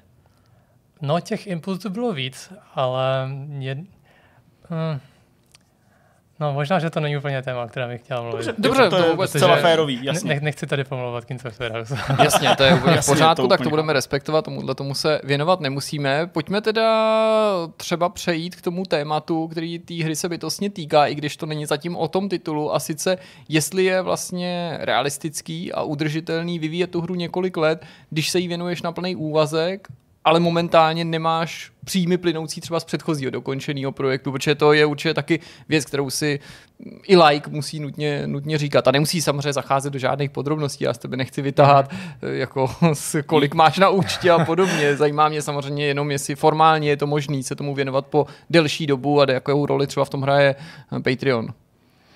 No, uh tuhle chvíli ten Patreon v tom úplně roli nehraje, protože tam ty příjmy zatím nejsou dostatečné. Mm. Nicméně ano, je to tak, že vlastně já žiju převážně teď z úspor, ale díky tomu, že jsem pracovala v King Software House, kde ten plat nebyl, nebyl úplně špatný pro programátora, tak jsem si naspořila docela dost. Takže jako je to možné, ale člověk se nesmí příliš vorazit. Mm-hmm. člověk musí vyloženě žít uh, při zemi hmm. aby, aby, se, aby dokázal takhle několik let přežít. Hmm. Jasně. Hádám, že s tím je spojená i určitá pracovní morálka, když člověk pracuje sám za sebe nebo sám na sebe, jak se říká. Tak jak vypadá třeba tvůj typický pracovní den? No tak eh, já nemám tak úplně režim, který by byl úplně rigidní, ten, mm. ten eh, pracovní režim. Obvykle prostě začnu, když se mi zachce. To je docela fér. To se musíš držet, protože tam s těma výdajem. to se mi líbí. ale, ale jako snažím se za ten den opravdu něco udělat. Jasně. Uh, ono, uh, člověk, člověk, jak bych to řekla, Musí mít nějakou kontrolu, nebo, nebo No, eh, člověk eh, nesmí se do toho příliš nutit, protože pak si to znechutí. Jo. Mm-hmm. Ale na druhé straně bez té disciplíny to zase taky asi nejde, že jo? No, protože... No, a to, ono to takhle na mě úplně nefunguje, ta disciplína. Jo. protože já, jakmile se začnu do něčeho nutit, tak, takhle, tak se mi to znechutí. Takže já mnohem líp pracuju, když eh, vyloženě si nedělám žádná takováhle pravidla mm-hmm. a začnu, začnu pracovat, když chci prostě a skončím, jakmile si myslím, že jsem za ten den udělala dost. Hmm. Tak to bychom tady mohli taky zkusit aplikovat. zkusit udělat někdy, třeba bych nechtěl, no to je jedno. Uh, dobrá, no tak už pojďme teda k uh, tvý aktuální hře uh, Alien Horizon. Uh, můžeme na začátek snad jako popsat nebo říct uh, v základu, o co se jedná, o jakou hru jde. My jsme ji samozřejmě na Vortexu představili, ale asi ne všichni naši diváci uh, si ten článek třeba přečetli. Tak Alien Horizon je budovatelská strategie, uh, survival budovatelská strategie, která se odehrává na vzdálené planetě, která není nějakým způsobem eh, propojená se Zemí, takže jste, jste tam na pospas vyloženě, mm-hmm. musíte přežít s tím, co máte. A musíte založit kolonii, která eh, je schopná sama přežít bez cizí pomoci. Když by někdo řekl, to mi připomíná hru XY a takový nějaký prostě tajkuny nebo ano, přesně to, to je... existují, tak uh, jak bys na to reagovala, v čem spočívá ta odlišnost? Nebo co je to novum toho tvýho titulu, proč se vlastně do ní hráči mají pustit a proč si do ní předpokládám pustila i ty? No, eh, já, já se přiznám, že ta hlavní složka, která na tom bude zajímavá, tam ještě tak úplně není. Aha. Že ta, ten, eh, ta, ta mediální stránka, která se teď, teď kolem toho začala objevovat, mě opravdu trošku, trošku, trošku zaskočila, ještě, ještě, ještě to je trošku na mě brzo, ale ta hlavní, ta hlavní část, co tam, co tam plánuju a co tam zcela jistě bude, eh, je, že chci, aby v tom projektu hrála velk, velkou roli politika. Mm-hmm. Což v těchto hrách často není. Protože když už začnete, když už eh, když už lidstvo začíná takhle novou kolonii na úplně vzdálené planetě a snaží se přežívat, tak každý z těch kolonistů má trochu jiné představy o tom, jak by ta společnost měla vypadat. Protože každý je z jiného, z jiného má jiné pozadí a jiné, jiné, jiné myšlenky, i jiné náboženství třeba. Tohle všechno tam může hrát roli. Takže já chci, aby v Alien Horizon hodně velkou roli hrálo, eh, jak si poradíte s, s tou společností jako takovou. Hmm. Nejenom, nejenom to, že budujete budovy samotné, ale že budete, budete opravdu tu společnost. S tím nepochybně určitě přichází dotaz na velikost, respektive mm, možná jako hloubku, do které může člověk jít, protože rozdělit společnost jde na základě nepřeberného množství eh, různých kategorií, filtrů, bych to měl takhle pře, přeložit do nějaký hráčtiny, tak eh, jak třeba velká ta populace bude, nebo jak roztříštěná názorově, politicky, nábožensky může vlastně být, nebo bude ve výsledku, jak to plánuješ samozřejmě? No, co se velikosti té populace týče, tak to je vlastně jeden taky takový uh takový, taková feature, která od, trochu odlišuje třeba od, řekněme od toho Surviving mhm. Mars, mm. že v Alien Horizon ty města jsou mnohem větší okay. Než, než Surviving Mars, takže tam se jedná o populace v tisících. Mm. A ta, co se týče té roztříštěnosti, mám, mám, mám plány, jak přesně by měla být ta populace roztříštěná.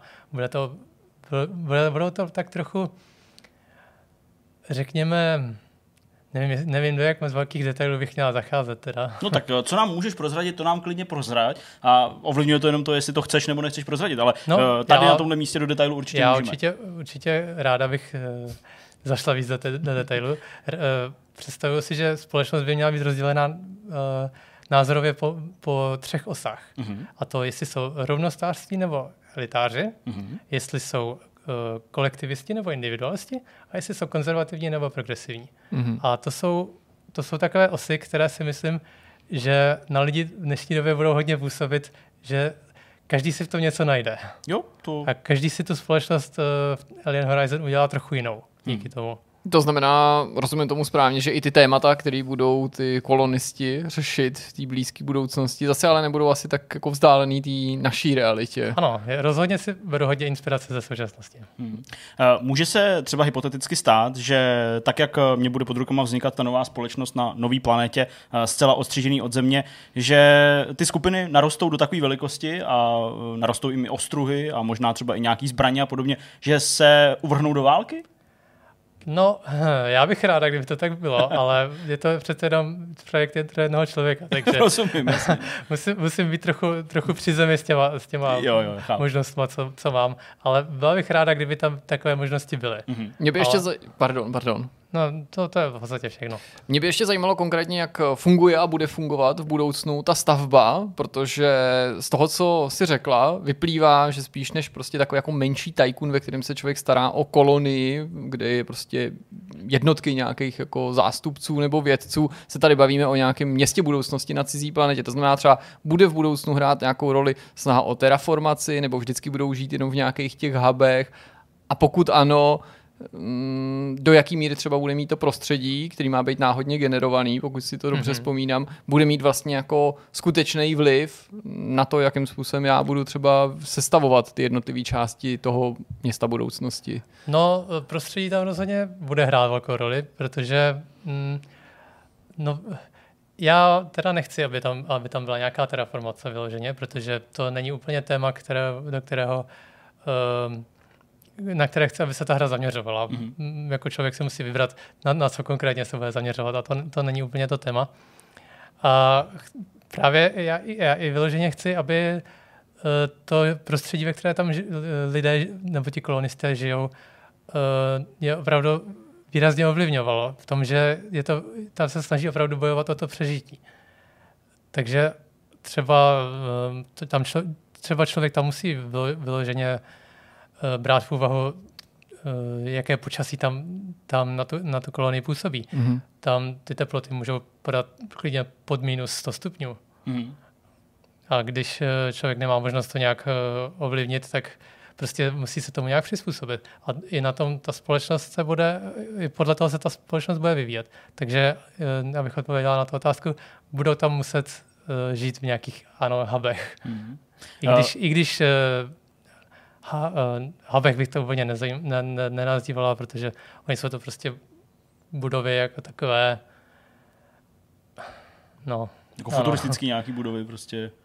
No, jsou to prostě budovy, které jsou přizpůsobené na to, aby byly vzduchotěsné. Jasně, jo, jo, to je jasný. Uh, jde uh, pojmenovat už třeba teď, tuhle fázi vývoje, jaký jsou ty podmínky vlastně jako pro hry, uh, co se musí stát, aby se mi objevil nápis Game Over? Je to, já nevím, ztráta možnosti reprodukce, nebo já nevím, podlehnutí právě těm přírodním živlům. Uh, co vlastně způsobí ten konec? Čemu se snažím vyhnout? No, uh, v podstatě přímo Game Over bych tam nechtěla eh, přímo Aha. hráči říkat. Ono, on, na to, on na to hráč časem dojde sám, že prostě tu kolonii není možné, dál, není možné v ní dál pokračovat, Aha. protože není dost lidí, anebo protože dojdou nějaké suroviny. Jo, jasně. Jo, tak do jaký míry třeba bude hrát roli právě reprodukce? Když zmiňujeme ty lidi, není dost lidí, tak eh, to se přece při nějakých myšlenkách o kolonizaci cizích světů nebo nějakých generačních lidí vždycky probírá, že jo? aby ano, ten genofond je... vlastně zůstal jako zdravý a ty lidi se mohli dál množit, ačkoliv jich cestuje někam ke hvězdám jenom omezený počet. No, vyloženě, co se týče té tý genové diverzity, to tak úplně v té hře neřeším. Ale co rozhodně hráčům bude muset řešit, je ten nedostatek pr- pracovních sil, které z toho vyplývá, že nemá dost lidí na všechno to, co, co musí udělat. Protože vytvořit průmyslovou základnu pro kolonii, která musí být schopná uh, přežít sama o sobě, na to ty počáteční lidé prostě nestačí. Takže člověk musí tam zajistit, aby se lidé rozmnožovali. Hmm. Uh, já to takhle přetočím na začátek, když teprve uh, nápad na tuhle hru vznikal. Co byl ten spouštěč, ten mechanismus toho, že jsi řekla, tak teď udělám prostě survival, uh, budovatelskou, lomeno společenskou nějakou simulaci. Byla to, um, bylo to spíš pnutí toho, že třeba na trhu není nějaká takováhle hra, kterou ty sama by si chtěla zahrát, protože to je často taky důvod mnoha vývojářů, proč se do něčeho pouštějí, nebo to bylo já nevím, okouzlení nějakou jinou hrou, filmem, knihou? Tak ono to, ono to vlastně vzniklo tak nějak postupně. Mm-hmm. Já jsem původně nečekala, že ten projekt bude takhle obrovský. Jasně. původně jsem chtěla vlastně udělat jenom něco takového, představovala jsem si to jako Tropico na Marsu. Aha, jo. I to je dost ambiciozní, ale chápu. A to, to pak samozřejmě udělalo tak trochu Surviving Mars, to udělali i, i Calypso, kteří Tropico dělali, tak to mi trochu vyfoukli, řekněme. Ale ta politická stránka Tropika tam stále není a tu já tam chci. Hmm, hmm. Zatím jsme si povídali o tom, co v té hře bys ráda měla, eh, kam by se ráda dostala. V jaké fázi ale je ta hra teď, eh, ta tvrdá realita, to mě zajímá. Eh, v tuhle chvíli je možné tu hru vyloženě, všechny ty základní featurey, kromě té politiky, tam v podstatě jsou. Je možné si tu, to město vyloženě postavit, mm-hmm.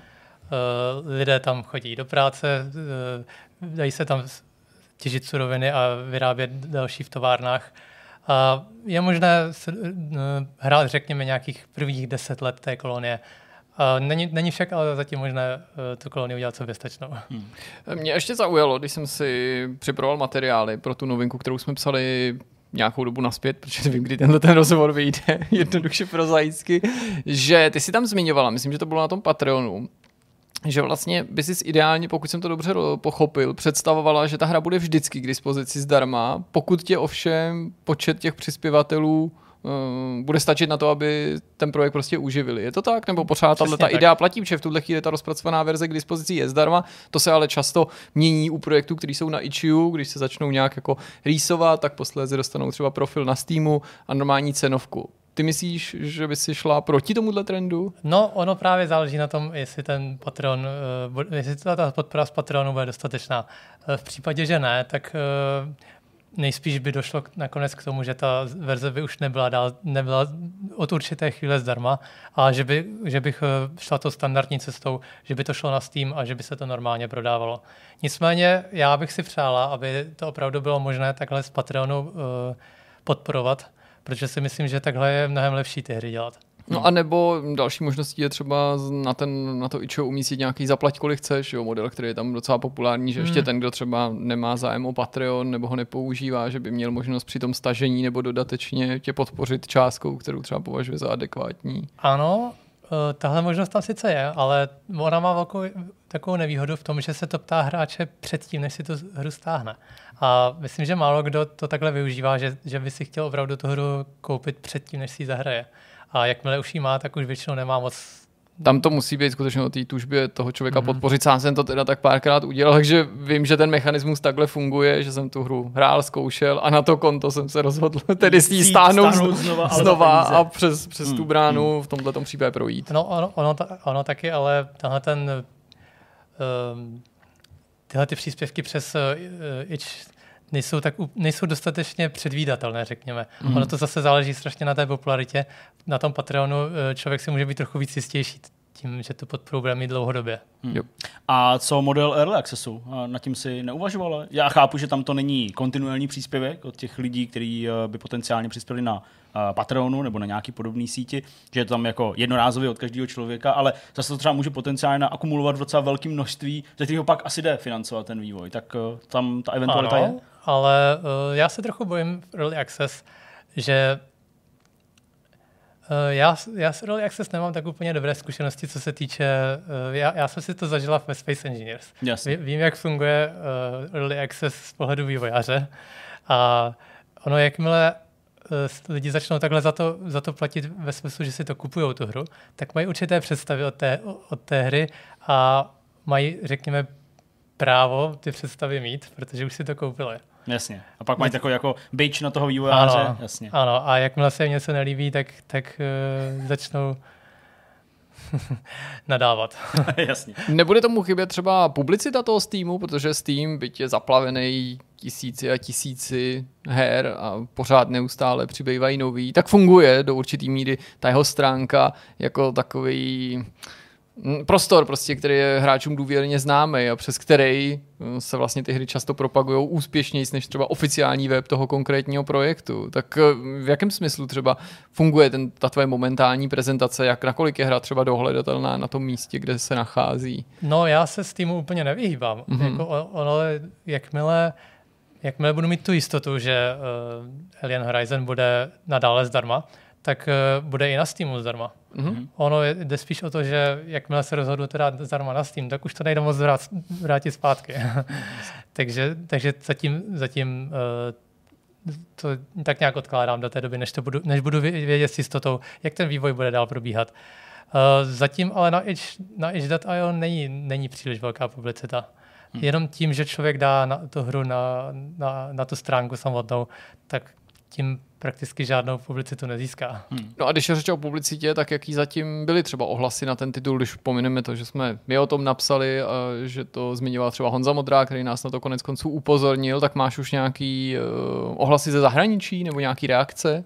Ano, ne ale od médií. Já jsem hmm. uh, Alien Horizon dávala na Reddit. Pokoušel jsem se najít uh, hráče, nebo snažil jsem se, aby to byli vyloženě testeři, ale prostě jsou to hráči. A e, spousta, spousta z nich mi už dávalo feedback, už je tak rok zpátky a postupně se naboloví další. A já budu velmi ráda, když e, bude víc lidí, kteří mi, mi takhle dají feedback. Hmm. Hmm. Jaký byl ten feedback? Eh, převážně pozitivní. Hm, to je dobře.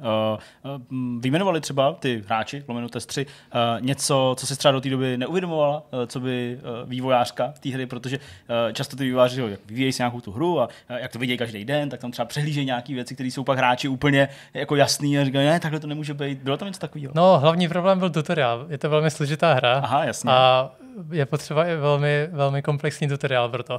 A spousta lidí na začátku měla problém, že se v tom opravdu ztráceli. Hmm. Ale ti, co se, ti, co se do toho dokázali dostat, tak ti vždycky chválili. Tak jsem si myslela, že vyloženě opravdu stačí udělat ten tutoriál dobře. A myslím si, že ten, v té současné době, jaký, jaký je ten tutoriál, už je, už je docela dobrý, ale stále, stále to chce ještě vypilovat. Hmm. Já myslím, že pomalu míříme do finále a tak mi nezbývá, než se zeptat na naší klasickou otázku a sice jestli je něco, na co jsme se opomněli zeptat v těch předchozích minutách, něco, co bys ráda vzdůraznila na konto svého projektu, případně vzkázala do určitý míry samozřejmě to pozvání samo o sobě, nebo to povídání funguje jako taková pozvánka k tomu titulu, aby ho vyzkoušel každý, koho to zaujalo, ale je tu ještě něco, co bys eh, ráda akcentovala? Hmm, ohledně, ohledně hry asi, asi až tolik ne. Eh, co bych ale ráda zkázala uh, lidem je, ať, ať si to teda stáhnou, ať, ať, ať si to zkusí zahrát, protože je to zdarma a nic s tím nemůžou zkazit. A ať přijdou na Discord a řeknou mi, co si myslí. Super. Budu velmi ráda, když, když uslyším od každého. Paráda. Já myslím, že lepší závěr bychom hledali těžko pro tenhle ten rozhovor. Ještě jednou moc krát díky, že jsi přijala pozvání, že jsme Taky si s tebou děkuji. mohli popovídat a budeme samozřejmě Alien Horizon a jeho vývoj dál bedlivě sledovat, tak aby jsme mohli naše diváky a čtenáře spravit o tom, co je nového, až něco nového bude. No a my jdeme na další téma. Asi já můžu. Jsme na konci, čeká nás závěrečný myšmaš, tak se trošičku uvolníme. Nejsme? Ještě úplně věděl. A říkal, já můžu. A Jirka, tada, tada. A pokračujeme. Ne, tak to nepoužijeme. Ne, ne, to, použijem to. Použijeme to. Já jsem to i slyšel, takhle že to. myslíš, jako, že můžeš, jako, že se jo, takhle, pokračovat. Chápu, to je moje chyba. Takhle, ne, fakt, takhle já, to, já můžu, jsem slyšel, na rozdíl od toho, když jsem tady čtyřikrát říkal, že ještě nenatáčíme a kluci tady furt počítali, kolik zbývá času. Už jedem. Já to slyšel, ale myslel jsem, že ti potvrzuješ, že že jsi připravený natáčet. A vlastně je to pravda, já jsem připravený natáčet. Protože někdy to se to tady stane takhle, že zde někdo začne mluvit já a já počkej, já ještě smrkám, nebo se jo, nebo se směju předchozímu vtipu, nebo prostě a musíme to jako zopakovat. Ne, ale máš pravdu, já můžu, ty taky můžeš, ty taky můžeš, takže tohle asi, asi myšmaš teda oficiálně zahájený. Co jsme, co jsme zamyšmašovali, kluci? Já teda, když jsem se poprosil, tak, tak já můžu. Já jsem byl v severních Čechách na prodloužený víkend uh, v naší haciendě. Uh, Kasavansdorf se tomu říká. Uh, Kasavansdorf. Hele, nemám žádný velký zážitky, mám dva životní úspěchy.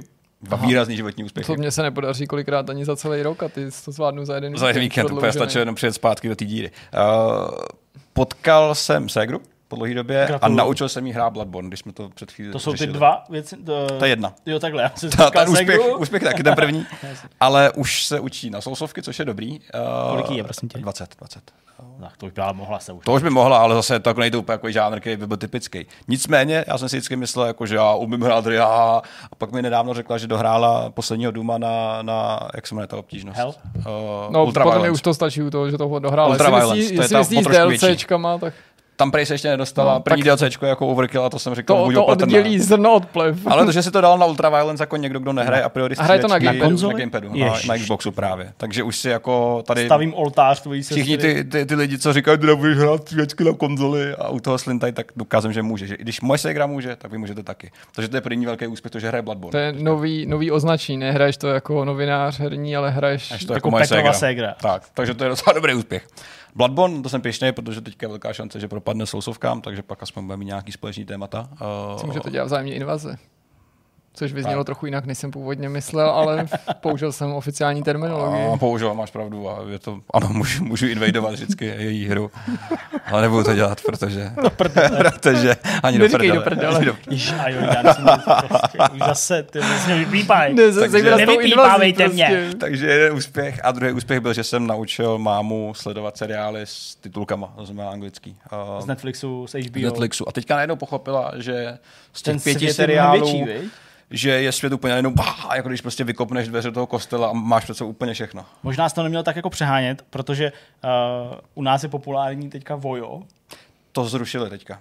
Jak to Já jo, jsem jako, to jako vaši pořizoval- no, no, zrušili. no, no. A to je zajímavé, já jsem to taky zrovna aktivoval, že to tak přišlo ve Ne, to je stejnou nějaký, chvíli. já, já, jsem to taky aktivoval, protože kolega z práce říkal, že... Svatba na první pohled, viď? ne, ne, ne, já jsem kolega z práce říkal, že hrál několik dílů, několik let v ordinaci. He, A já to... kolik hrál v ordinaci? Koho? No, no, Koho? eh, Jako pacient třeba 89? Ne, postava jménem Jan Starý a já ji Já potřebuji nevím, kdo to dohledat. je. No, tak no, tak nějaký mi- spolužák. no, To tam bude, když To to, jsem dáme, hledal, to bude to- nějaká to, to jsou, to jsou moc starý díly, to já už neznám. Ale, a já jsem to ale chtěl prověřit, znám. ale neměl jsem čas to projíždět a hledat. Takže pokud jste někdo viděli postavu Jana Starýho, tak potřebuji screenshot z toho dílu, abych ho mohl usvědčit a ponížit veřejně v té firmě. Takže Tak uh, řekněte svým mámám, přítelkyním a babičkám, aby se na to, ulice podívali. nebo ordinace? Jedno z toho, jedna z No to je já jsem dost podstatný rozdíl. Já jsem zjistil, že Ne, spoustu, ulice, li- ulice to byla. že Ulice. spoustu lidí Ulice. Hrála v ulici. ne, Žije v ulici. nemá roz, vůbec nechápe rozdíl mezi ulicí A a, ty se ordinací. tomu Jim tak to se- přijde jako stejný. Ne, to ono jako, bohužel, ty herci se prolínají, ale je to ulice. Je to ulice. A doufám, že pokud to všema nevidíš, takže tě najdem a můžu to vyvěsit všude po No. Mimochodem, oni to jsou rozníkují, oni. Já když jsem sledoval tu předchozí řadu Láska, ne, svatba na první pohled, nebo cokoliv jiného, tak jsem si vždycky vystačil s tím Nova Plus. Jediný, co mě na tom točilo, je ten nehorázný přehrávač reklamy, jak to furt padá, prostě jak je to úplně nepřátelský, jedno, jestli jsi to pustil na červeném tlačítku v televizi, na webu, na tabletu, mm-hmm. v aplikaci, prostě jako do pěti minut si byl úplně nepříčetný, ale oni to tam ty hyeny přestali dávat. Respektive se často stane, že u těch aktuálních pořadů je tam jenom ta aktuální epizoda Mhm. a za pár dní dají pryč a není tam ani ty předchozí, notabene ty následující, jo? tak aby někdo si nemyslel, jako že jsem si předplatil vojo, abych viděl o týden dřív svatba na první pole. To, jako, to jsem pak jsem toho využil, to je jako jasný. Když ale už to stalo, původně jako- to nebyl ten záměr, já jsem to musel předplatit kvůli tomu, abych viděl to, co jsem eh, promeškal, protože myslím, že to jde shodou okolností dneska a my tady vždycky uh, natáčíme. Natáčíme, jasně. A já přijdu domů a je to, je to pryč. Je To je to dobrá furt- motivace. A, a no. nenaskakuje to tam. Takže jsem prostě seřval Kristýnu, že to tam nebylo v tom Nova Plus to a pak jsem řekl prostě, tak musíme aktivovat ten trial, není zbytí. Není zbytí, no. Já Hele, to platím normálně už několik měsíců. a je tam teda k dohledání jako celý playlist lidí, co, co hrajou v tom, nebo účinkou v tom seriálu historicky, nebo per díl? No, to bych asi tady nenašel, si myslím. Mm, A to je mimochodem problém. z té aplikace se nedá ani registrovat, jo, to chci jenom jako To je říct. To že se dá na webu, no, prostě, jenom, no. no je a že takové věci mě přesně jako To je- úplně to nechceš, no. dokážou To je- to jako je divný, no. Proto si děláš rozčílit. aplikaci vlastní, abys toho Hele. nemohl mít. I to, že ti to první zkrátí ta aplikace řekne, že jako se tam nedá zaregistrovat a rovnou se přihlaš, to je fakt blbý Díky za onboarding. info. Mm, díky za info. Uh, někdo nám tady pod minulý vidcast v komentářích psal, že absolutně nechápe tu naši fascinaci těma reality show, ale tak to prostě je. My jsme taky jenom asi jako lidi někdy. Taky občas. máme nějaký fetiš, jako a já každý taky má na to něco. jako koukám. Jako nekou, hele, na Love Island koukám prostě s Marketou, protože ta je zase doma na mateřský, tak to zase musíme chápat jako do určitý míry a baví se o tom s kámoškama a asi to je nějaký jejich téma, tak Hmm. mm. se na to čuměj. Tak já jsem třeba viděl jako tři díly. Je to jako pitomý, ale vlastně jako jsem schopný si u toho dát jídlo a prostě jako u toho vypnout a čumět a smát se těm lidem prostě. No. Tam- Já jsem to tentokrát nějak jako nedal, jsem na to nenaskočil. Já Fakt? prostě se držím svatby a první večeře. Myslíš si to mixovat První večeře je super prostě. A čím dál víc obdivu tu dramaturgii a doufám, že jednou, až třeba nebudu dělat tady do her, takže budu moct dělat do těchto těch reality show, protože chci být ten člověk, co páruje ty lidi a škodolibě se směje, využil, že tam vždycky spáruje Hmm. prostě lidi neadekvátního věkového rozdílu, který potrhuje ne nějaká jako konvence společenská, ale skutečnost, že jeden řekne, já jsem tak starý, mám dospělou dceru, už hlavně nechci děti. Tak koho dostane? 20 letou nějakou Holku, která mluví jenom o tom, jak chce mít děti prostě a pařit a prostě užívat si pořádně života, prostě úplně, takže i když se ty lidi vzájemně neuráží, jak jsem o tom mluvil minule, tak eh, úplně jako žasneš, jako hmm. jaký člověk prostě dělá ty, ty kombinace. Pak Jo, se jo. ani nediví, že jsou dneska oblíbený takový ty seznamovací aplikace, jak se to jmenuje? Tinder. Tinder, protože když jdeš Grindr, do televize, Grindr taky, ale ten je... Jsem se ten když jdeš do televize, tak uh, prostě ti tam takhle jako poblijou, že jo, prostě, nebo jako v rande, že jo, kde taky jsem teďka koukal s okolností se Zdeňkem na nějaký reprízy, nějaký výběr toho, co, To co se v rande jako objevilo a prostě nedivím se, jako, že to nebyla úplná jako plodnice No vlastně to už Byla je to celý, jsem chtěl plodnice. plodnice pádů, ale vlastně nebyla to To plodnice. plodnice. Já si myslím, že to do toho jako skočili organizace. Ne, úplně, úplně správně. To je všechno. Netflix, co jsem chtěl říct, že, že máma už nekouká na televizi normální, Vojo zrušila a projíždí Netflix, což je docela jako dobrý zvyk. Pak až jí dojde a se- všechno, tak dostane HBOčko. A děláš to jako všichni Češi, že si ji nalogoval na sebe, nebo, nebo má vlastní Jo, account? ale vytvořil jsem svůj account, ale tím, že platím ten, ten jak se jmenuje, ten premium nebo Jasně, ten ultra, máš tak víc mám toho. spoustu slotů. A ještě házím do vyšlistu věcí, které myslím, že Počkej, by ještě si máma mohli- vždycky bude volat, že se jí to vyjde, se to volá, ti přihlásíš. To se To děje naštěstí. To mě se děje Ona už to naštěstí, Já to dělám furt. naštěstí dobrý, už to umí. Uh, takže to je v pohodě. A vždycky největší kouzlo, pro mě to skáču, největší kouzlo je Neodhlašovat reaktivace zařízení. HBO Go, kterou vlastně ty Přes web, no uděláš jasně. přes web a Mm. tam, se, ta, tam se nemusí na té straně No tam je to toho, lepší. Tam to nikdo nemusí jako řešit, tam jenom mi, mi Ano. píšu kód a jim se to jako, když já to potvrdím, tak na té televizi Jo, už spustí. se to rovnou spustí. To je magie, to je future. To je, a vždycky musím mámě vytvořit dočasný heslo, protože Nechceš, aby si dával ne, jako svoje, ne, no? že bych jí, ne, že bych jí nevěřil mami, ale prostě přece jenom člověk, který si píše hesla i na lístky, prostě... Není asi důvěryhodný. No, tak jako, takže vytvořím dočasný, ale zaškrtnu jako neodhlašovat zařízení a to, ale stejně za nějakou dobu a prostě teď jako všichni jsme takový, jako že pendlujeme mezi různýma domácnostma a zařízeníma, že já jsem schopen vyčerpat ty připojený zařízení i sám, jo, Mm, protože Já To je pravda. taky, já vždycky, Tak co to máš za počítač, kde jsem přihlášený, tablet. to asi smažu nějaký A- safari, tak tak... je to takový jako začarovaný kruh. To je pravda, no. Hele, já to uzavřu, o, to je všechno, co jsem chtěl. Ne, ještě něco Hrál jsem Diablo, to jsme měli recenzi a stream, netřeba o tom lejt dál. A zapnul jsem si včera večer před spaním Call of Duty, abych vyzkoušel ještě Black? Ops, Jo. eh, Black Ops, eh, než dojede sezóna a Než... Před spaním. Já tam viděl prostě Petra každý večer, když jsem, chtě, eh, když To- jsem hrál tu betu. Furt jsem ti psal, jestli si zahrajem. Nikdy mi nenapsal zpátky. To jsi mi nemohl psát. Jo, vždycky. A kam jsi to posílal? má z kompu, má přes jako rozhraní té hry. No tak to nikdo nečte, že jo? To jsou úplně jako... To asi do toho ani nechodí, jestli jsi to To vzal ne, v tom rozhraní to, jako to nějaký nevím, zprávy. Ne. Tam, to ti nepřijde, to mi určitě nepřišlo jako třeba na PSN nebo Ne, to někam. ti, to ti vyskočí na monitoru. Nebo Mně na ne, televizi. Mně ne. No jo. No ne, jasně, To je normálně takový ten in-game jako chat. No ale když prostě to, to a o ne, sobě. nevyskočilo. To bych podle mě na to má úplnou slepotu, protože jak to neskáče v tom PS No, jak rozhraní, je tam tak to ten vůbec bordel všude, že jo, tak to se nevěděl. Ok. Hele, já, to jsem to- rád, že najdu to tlačítko, kde se to spouští. Já jsem vždycky tak naštvaný, vždycky jako řekněte mi, co mám dělat a prostě Jak starý dědek to se tam jenom nadávám, prostě, já nevím, co tam mám tam namačkat, prostě. Kde se to hraje? To Proč to zase změnili, kde je teďka to Vždycky tlačítko? největší výhra pro když se vždycky napojíme na něj, aby už nemusel jako nic dělat. Dobrý, Jirko, my se, my se napojíme na tebe. Přesně, pozvi mě, vole, jak tě mám pozvat, já nevím, jak tě mám pozvat, to musíš, nebaví, nějaký musíš- trouhelník, vole. Pak je ta zodpovědnost vybírat ty mody, které se budou hrát, což je mnohem horší. Tak. Takže to je všechno. A na závěr, jak jsem říkal, potřebuji pomoc s hledáním toho kolegy, to znamená ulice, postava Jan Starý, je to nějaký kamarád těch dvojčat, který se tam... Wanted. On, přesně, a potřebuji screenshot jeho ksichtu, jak tam je vidět. A kdo to zvládne, tak dostane nějakou odměnu pak po dohodě v dalším vykázu. Večeře s Petrem. Ty jo, večer. Večeře s Petrem je docela doma. výhodná věc, ne, u mě doma určitě ne.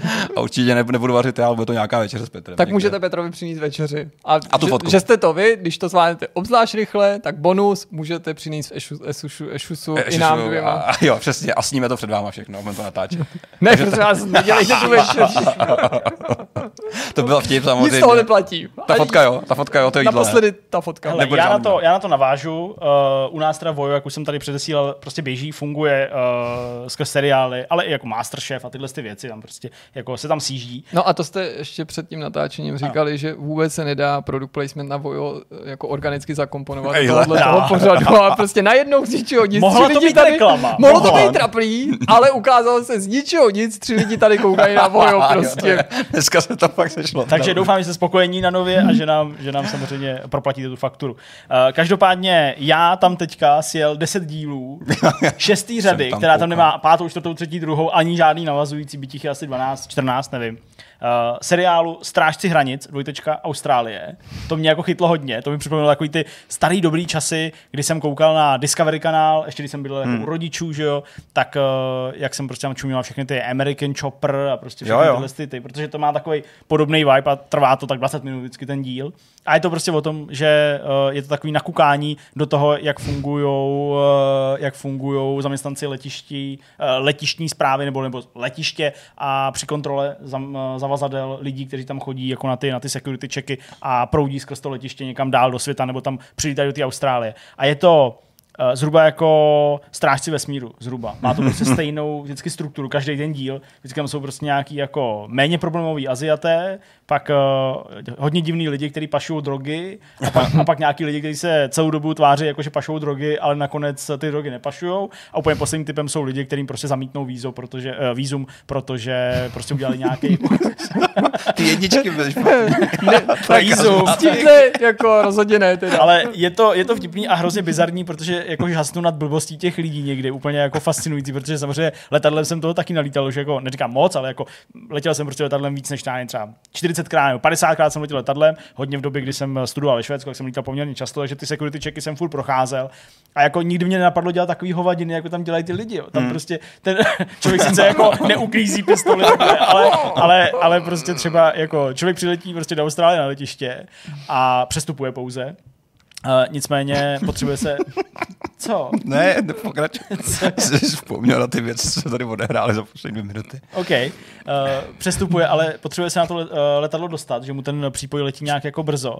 Takže první, co udělá, když vleze na tu security a dostane se mm, k tomu bodu, kdy jako má sundat si ty věci a dát na všechny ty uh, misky, aby to jelo těma, uh, těma, těma rentgenama, tak uh, v podstatě vytáhne peníze a řekne prvnímu člověku, který tam vidí, dám ti 150 uh, jako dolarů, když mi prostě protáhneš rychle. Nebo jako když mě, když mě jako necháte bejt, tak v tu chvíli prostě se zavolá záchranka nebo ochranka, že jo, a prostě začnou tomu člověku vysvětlovat, že teď tady právě chtěl podplatit státního úředníka. Tak si sám podřezat Tak úplně prostě jako on to nechápal a furt se jenom ptali, jestli stihne to letadlo. Jo. Takže oni, my vás teďka máme, máme podezření, že máte v sobě drogy. Uh, my to tady na místě jako nemůžeme zjistit jinak, než jako tady, co máme naše ty stěry, co dělají, že jo, takový ty jako jak, uh, To se jak z tebe nějak vypocuje? Oni, ty, ne, eh, to se nevypocuje, ale ty, když by se někde o drogu zavadil, třeba i jako ve velice stopovém množství, hmm. fakt jenom Třeba jako, když si jako malinko, zavádíš to někam. ani nutně nemusíš si tím zavádět. Můžeš ji mít třeba někde v zavazadle a i z toho zavazadla, když vezmeš nějakou věc, která se o to otřela, Jo. nebo na tom byla, hmm. jo, když je v nějakým falešným dnu, tak uh, takový ten lísteček, který ti občas jako na tom letišti takhle jako otřou a pak to strčí do nějakého kompu, Aha, to jsem nevěděl. tak to vlastně zkoumá ty stopové prvky nebo stopové nějaký jako části těch drog. No a co když jsem doma šňupal? No tak to samozřejmě Tak máš odhalí problém. taky. Jo. Ale nemám to, to sebou. Ale, ale, to není problém. To není No, problém. To, to- není problém. Tam jde o to, jestli to máš u sebe. No a tak prostě oni mu jako vysvětlovali, furt se jako zlobili, že teda nesmí podplácet ty lidi na tom letišti, on to furt nechápal. Doufám, že stihnu to letadlo. tak mu pak jako vysvětlili, že prostě mají podezření, že s ním není něco v pořádku. Hmm.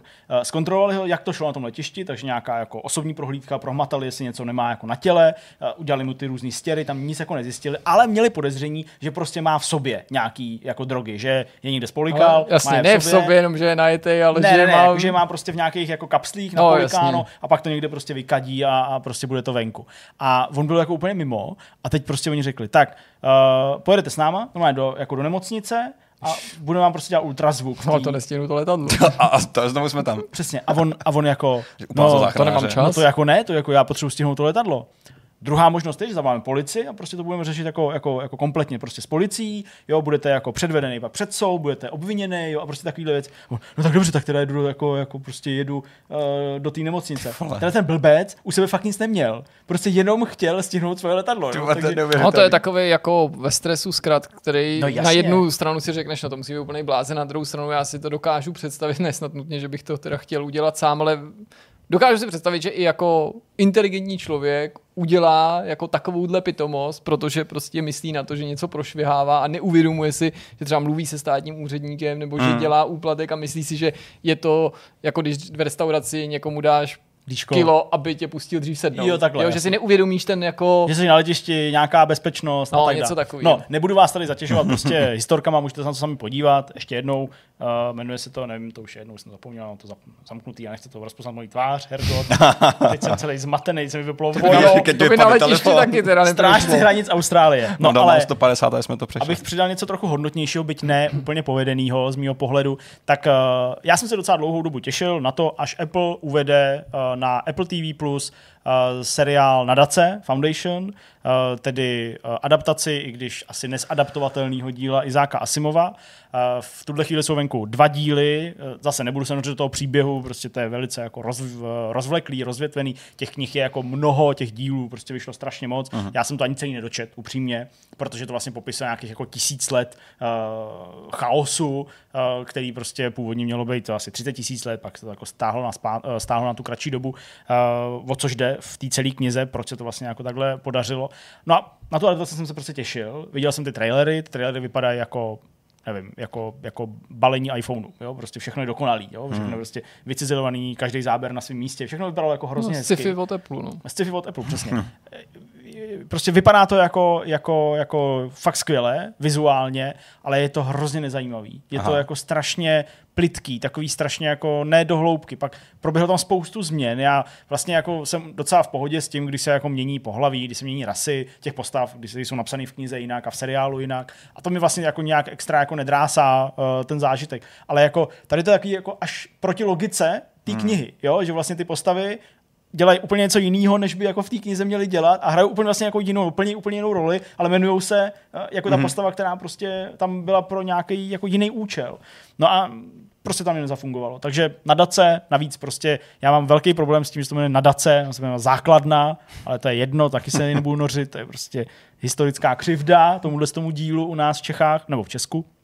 Uh, takže Další křivda. uh, to se omlouvám, jasně, to se, to, to, to se omlouvám všem Moravanům a sl, s, s, Slezanům. No, já jsem chtěl Slezanům, ale chtěl jsem ještě udělat vtip, protože jeden z politiků kandidujících teďka v těchto z těch volbách snaží, Vtip na Slezany. snažící se, ani ne, to spíš, to spíš, na, to spíš na jednoho z politiků, který neumí česky a napsal, že jako uh, ubrání prostě če, jako celou republiku, to znamená Čechy, Moravu a Slezko.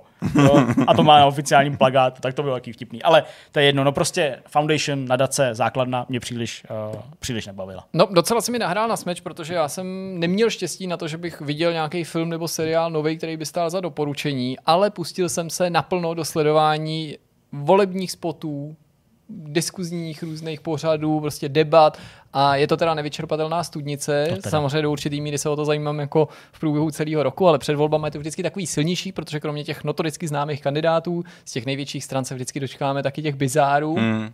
A musím říct, že letos je to teda obzvlášť výživný a že už to nějakou dobu sleduju a mám pocit, jako, že to do určitý míry pořád zesiluje, že někdo měl možná pocit, že jsme ty vrcholy prožili za dob Miroslava Sládka, republikánů, nebo Eduarda Kremličky a žraních robáků, nebo brouků, ale kde pak každý volby přinesou samozřejmě jednak nějaký nový strany, nový uskupení, nový kandidáty, často dosti nečekaný, zejména třeba jako mimo oblast politiku, ale někteří ty kandidáti a ty strany se nám vrací a ona třeba to má nějak, jako je tam možný sledovat nějakou progresi, jo? že se to třeba jako mnohdy zhoršuje. Třeba mm-hmm. ta, uh, jak bych to kulantně nazval, No ta retorika třeba obecně řečeno. No. Tak to všem doporučuji, pokud, kolik. pokud uh, máte taky vztah k politice, aspoň takovejhle, aspoň, alespoň vležnej, pokud vlažnej máte ten vztah, No. no. tak že byste se mohli vlastně docela dobře pobavit, ale musíte, nesmí, nes, nesmíte myslet na to, že ty lidi, který sledujete, to myslí vážně a že skutečně do té Hmm, sněmovny aby to- kandidují. A to platí nejen pro ty z těch malých výstředních stran,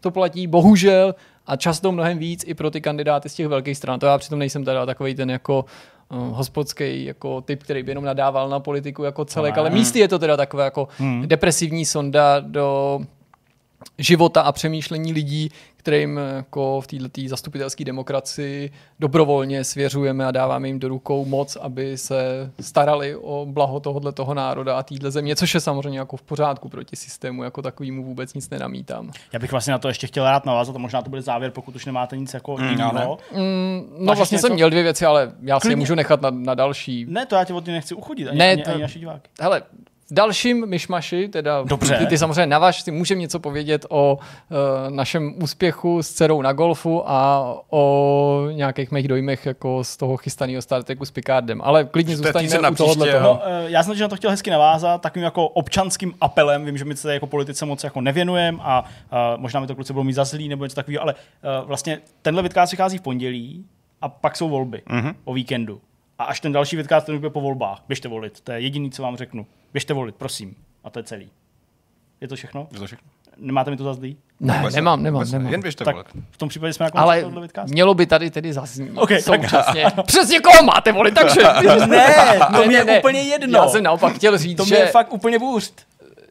často se říká, že protože lidi dlouho neměli možnost volit, anebo nemohli tak svobodně volit, jak by volit chtěli, anebo protože historicky mnozí lidé neměli možnost volit, Ano. myslím tím v hlubší historii, prostě Jasně. eh, neprivilegovaní ženy a Byly tak dále. ženy, ano, že přesně. ta volba by měla být skoro až povinností, a když ne jako legislativně povinná, takže by měla být takovou jako občanskou povinností. Já bych jenom chtěl jako na tomhle místě říct, že to nemusí nutně reprezentovat jako můj názor, ale že i nevolit je volba a že se často ty lidi, kteří nevolí, třeba protože jsou zklamaný, pak bývají jako označovány za jako strůjce hmm. těch jako situací, že to máte proto a pak nemáte co říkat, což jako je taky legitimní postoj, ale že ona i ta nevolba může být jako někdy docela legitimní. Dobře, dobře. Já jedu do Hradce kvůli tomu. Já taky jedu do. Vanďáku ještě, no, Jedu do takže Vanďáku. potkáme se někde na půli cesty. Úplně, no, já tam jedu tam, ale v pořádku. Dobrá, tak eh, jsme na konci, 185. vidcast eh, je váš. Snad jste se užili. Mějte se hezky. Čau. Ahoj. Čus.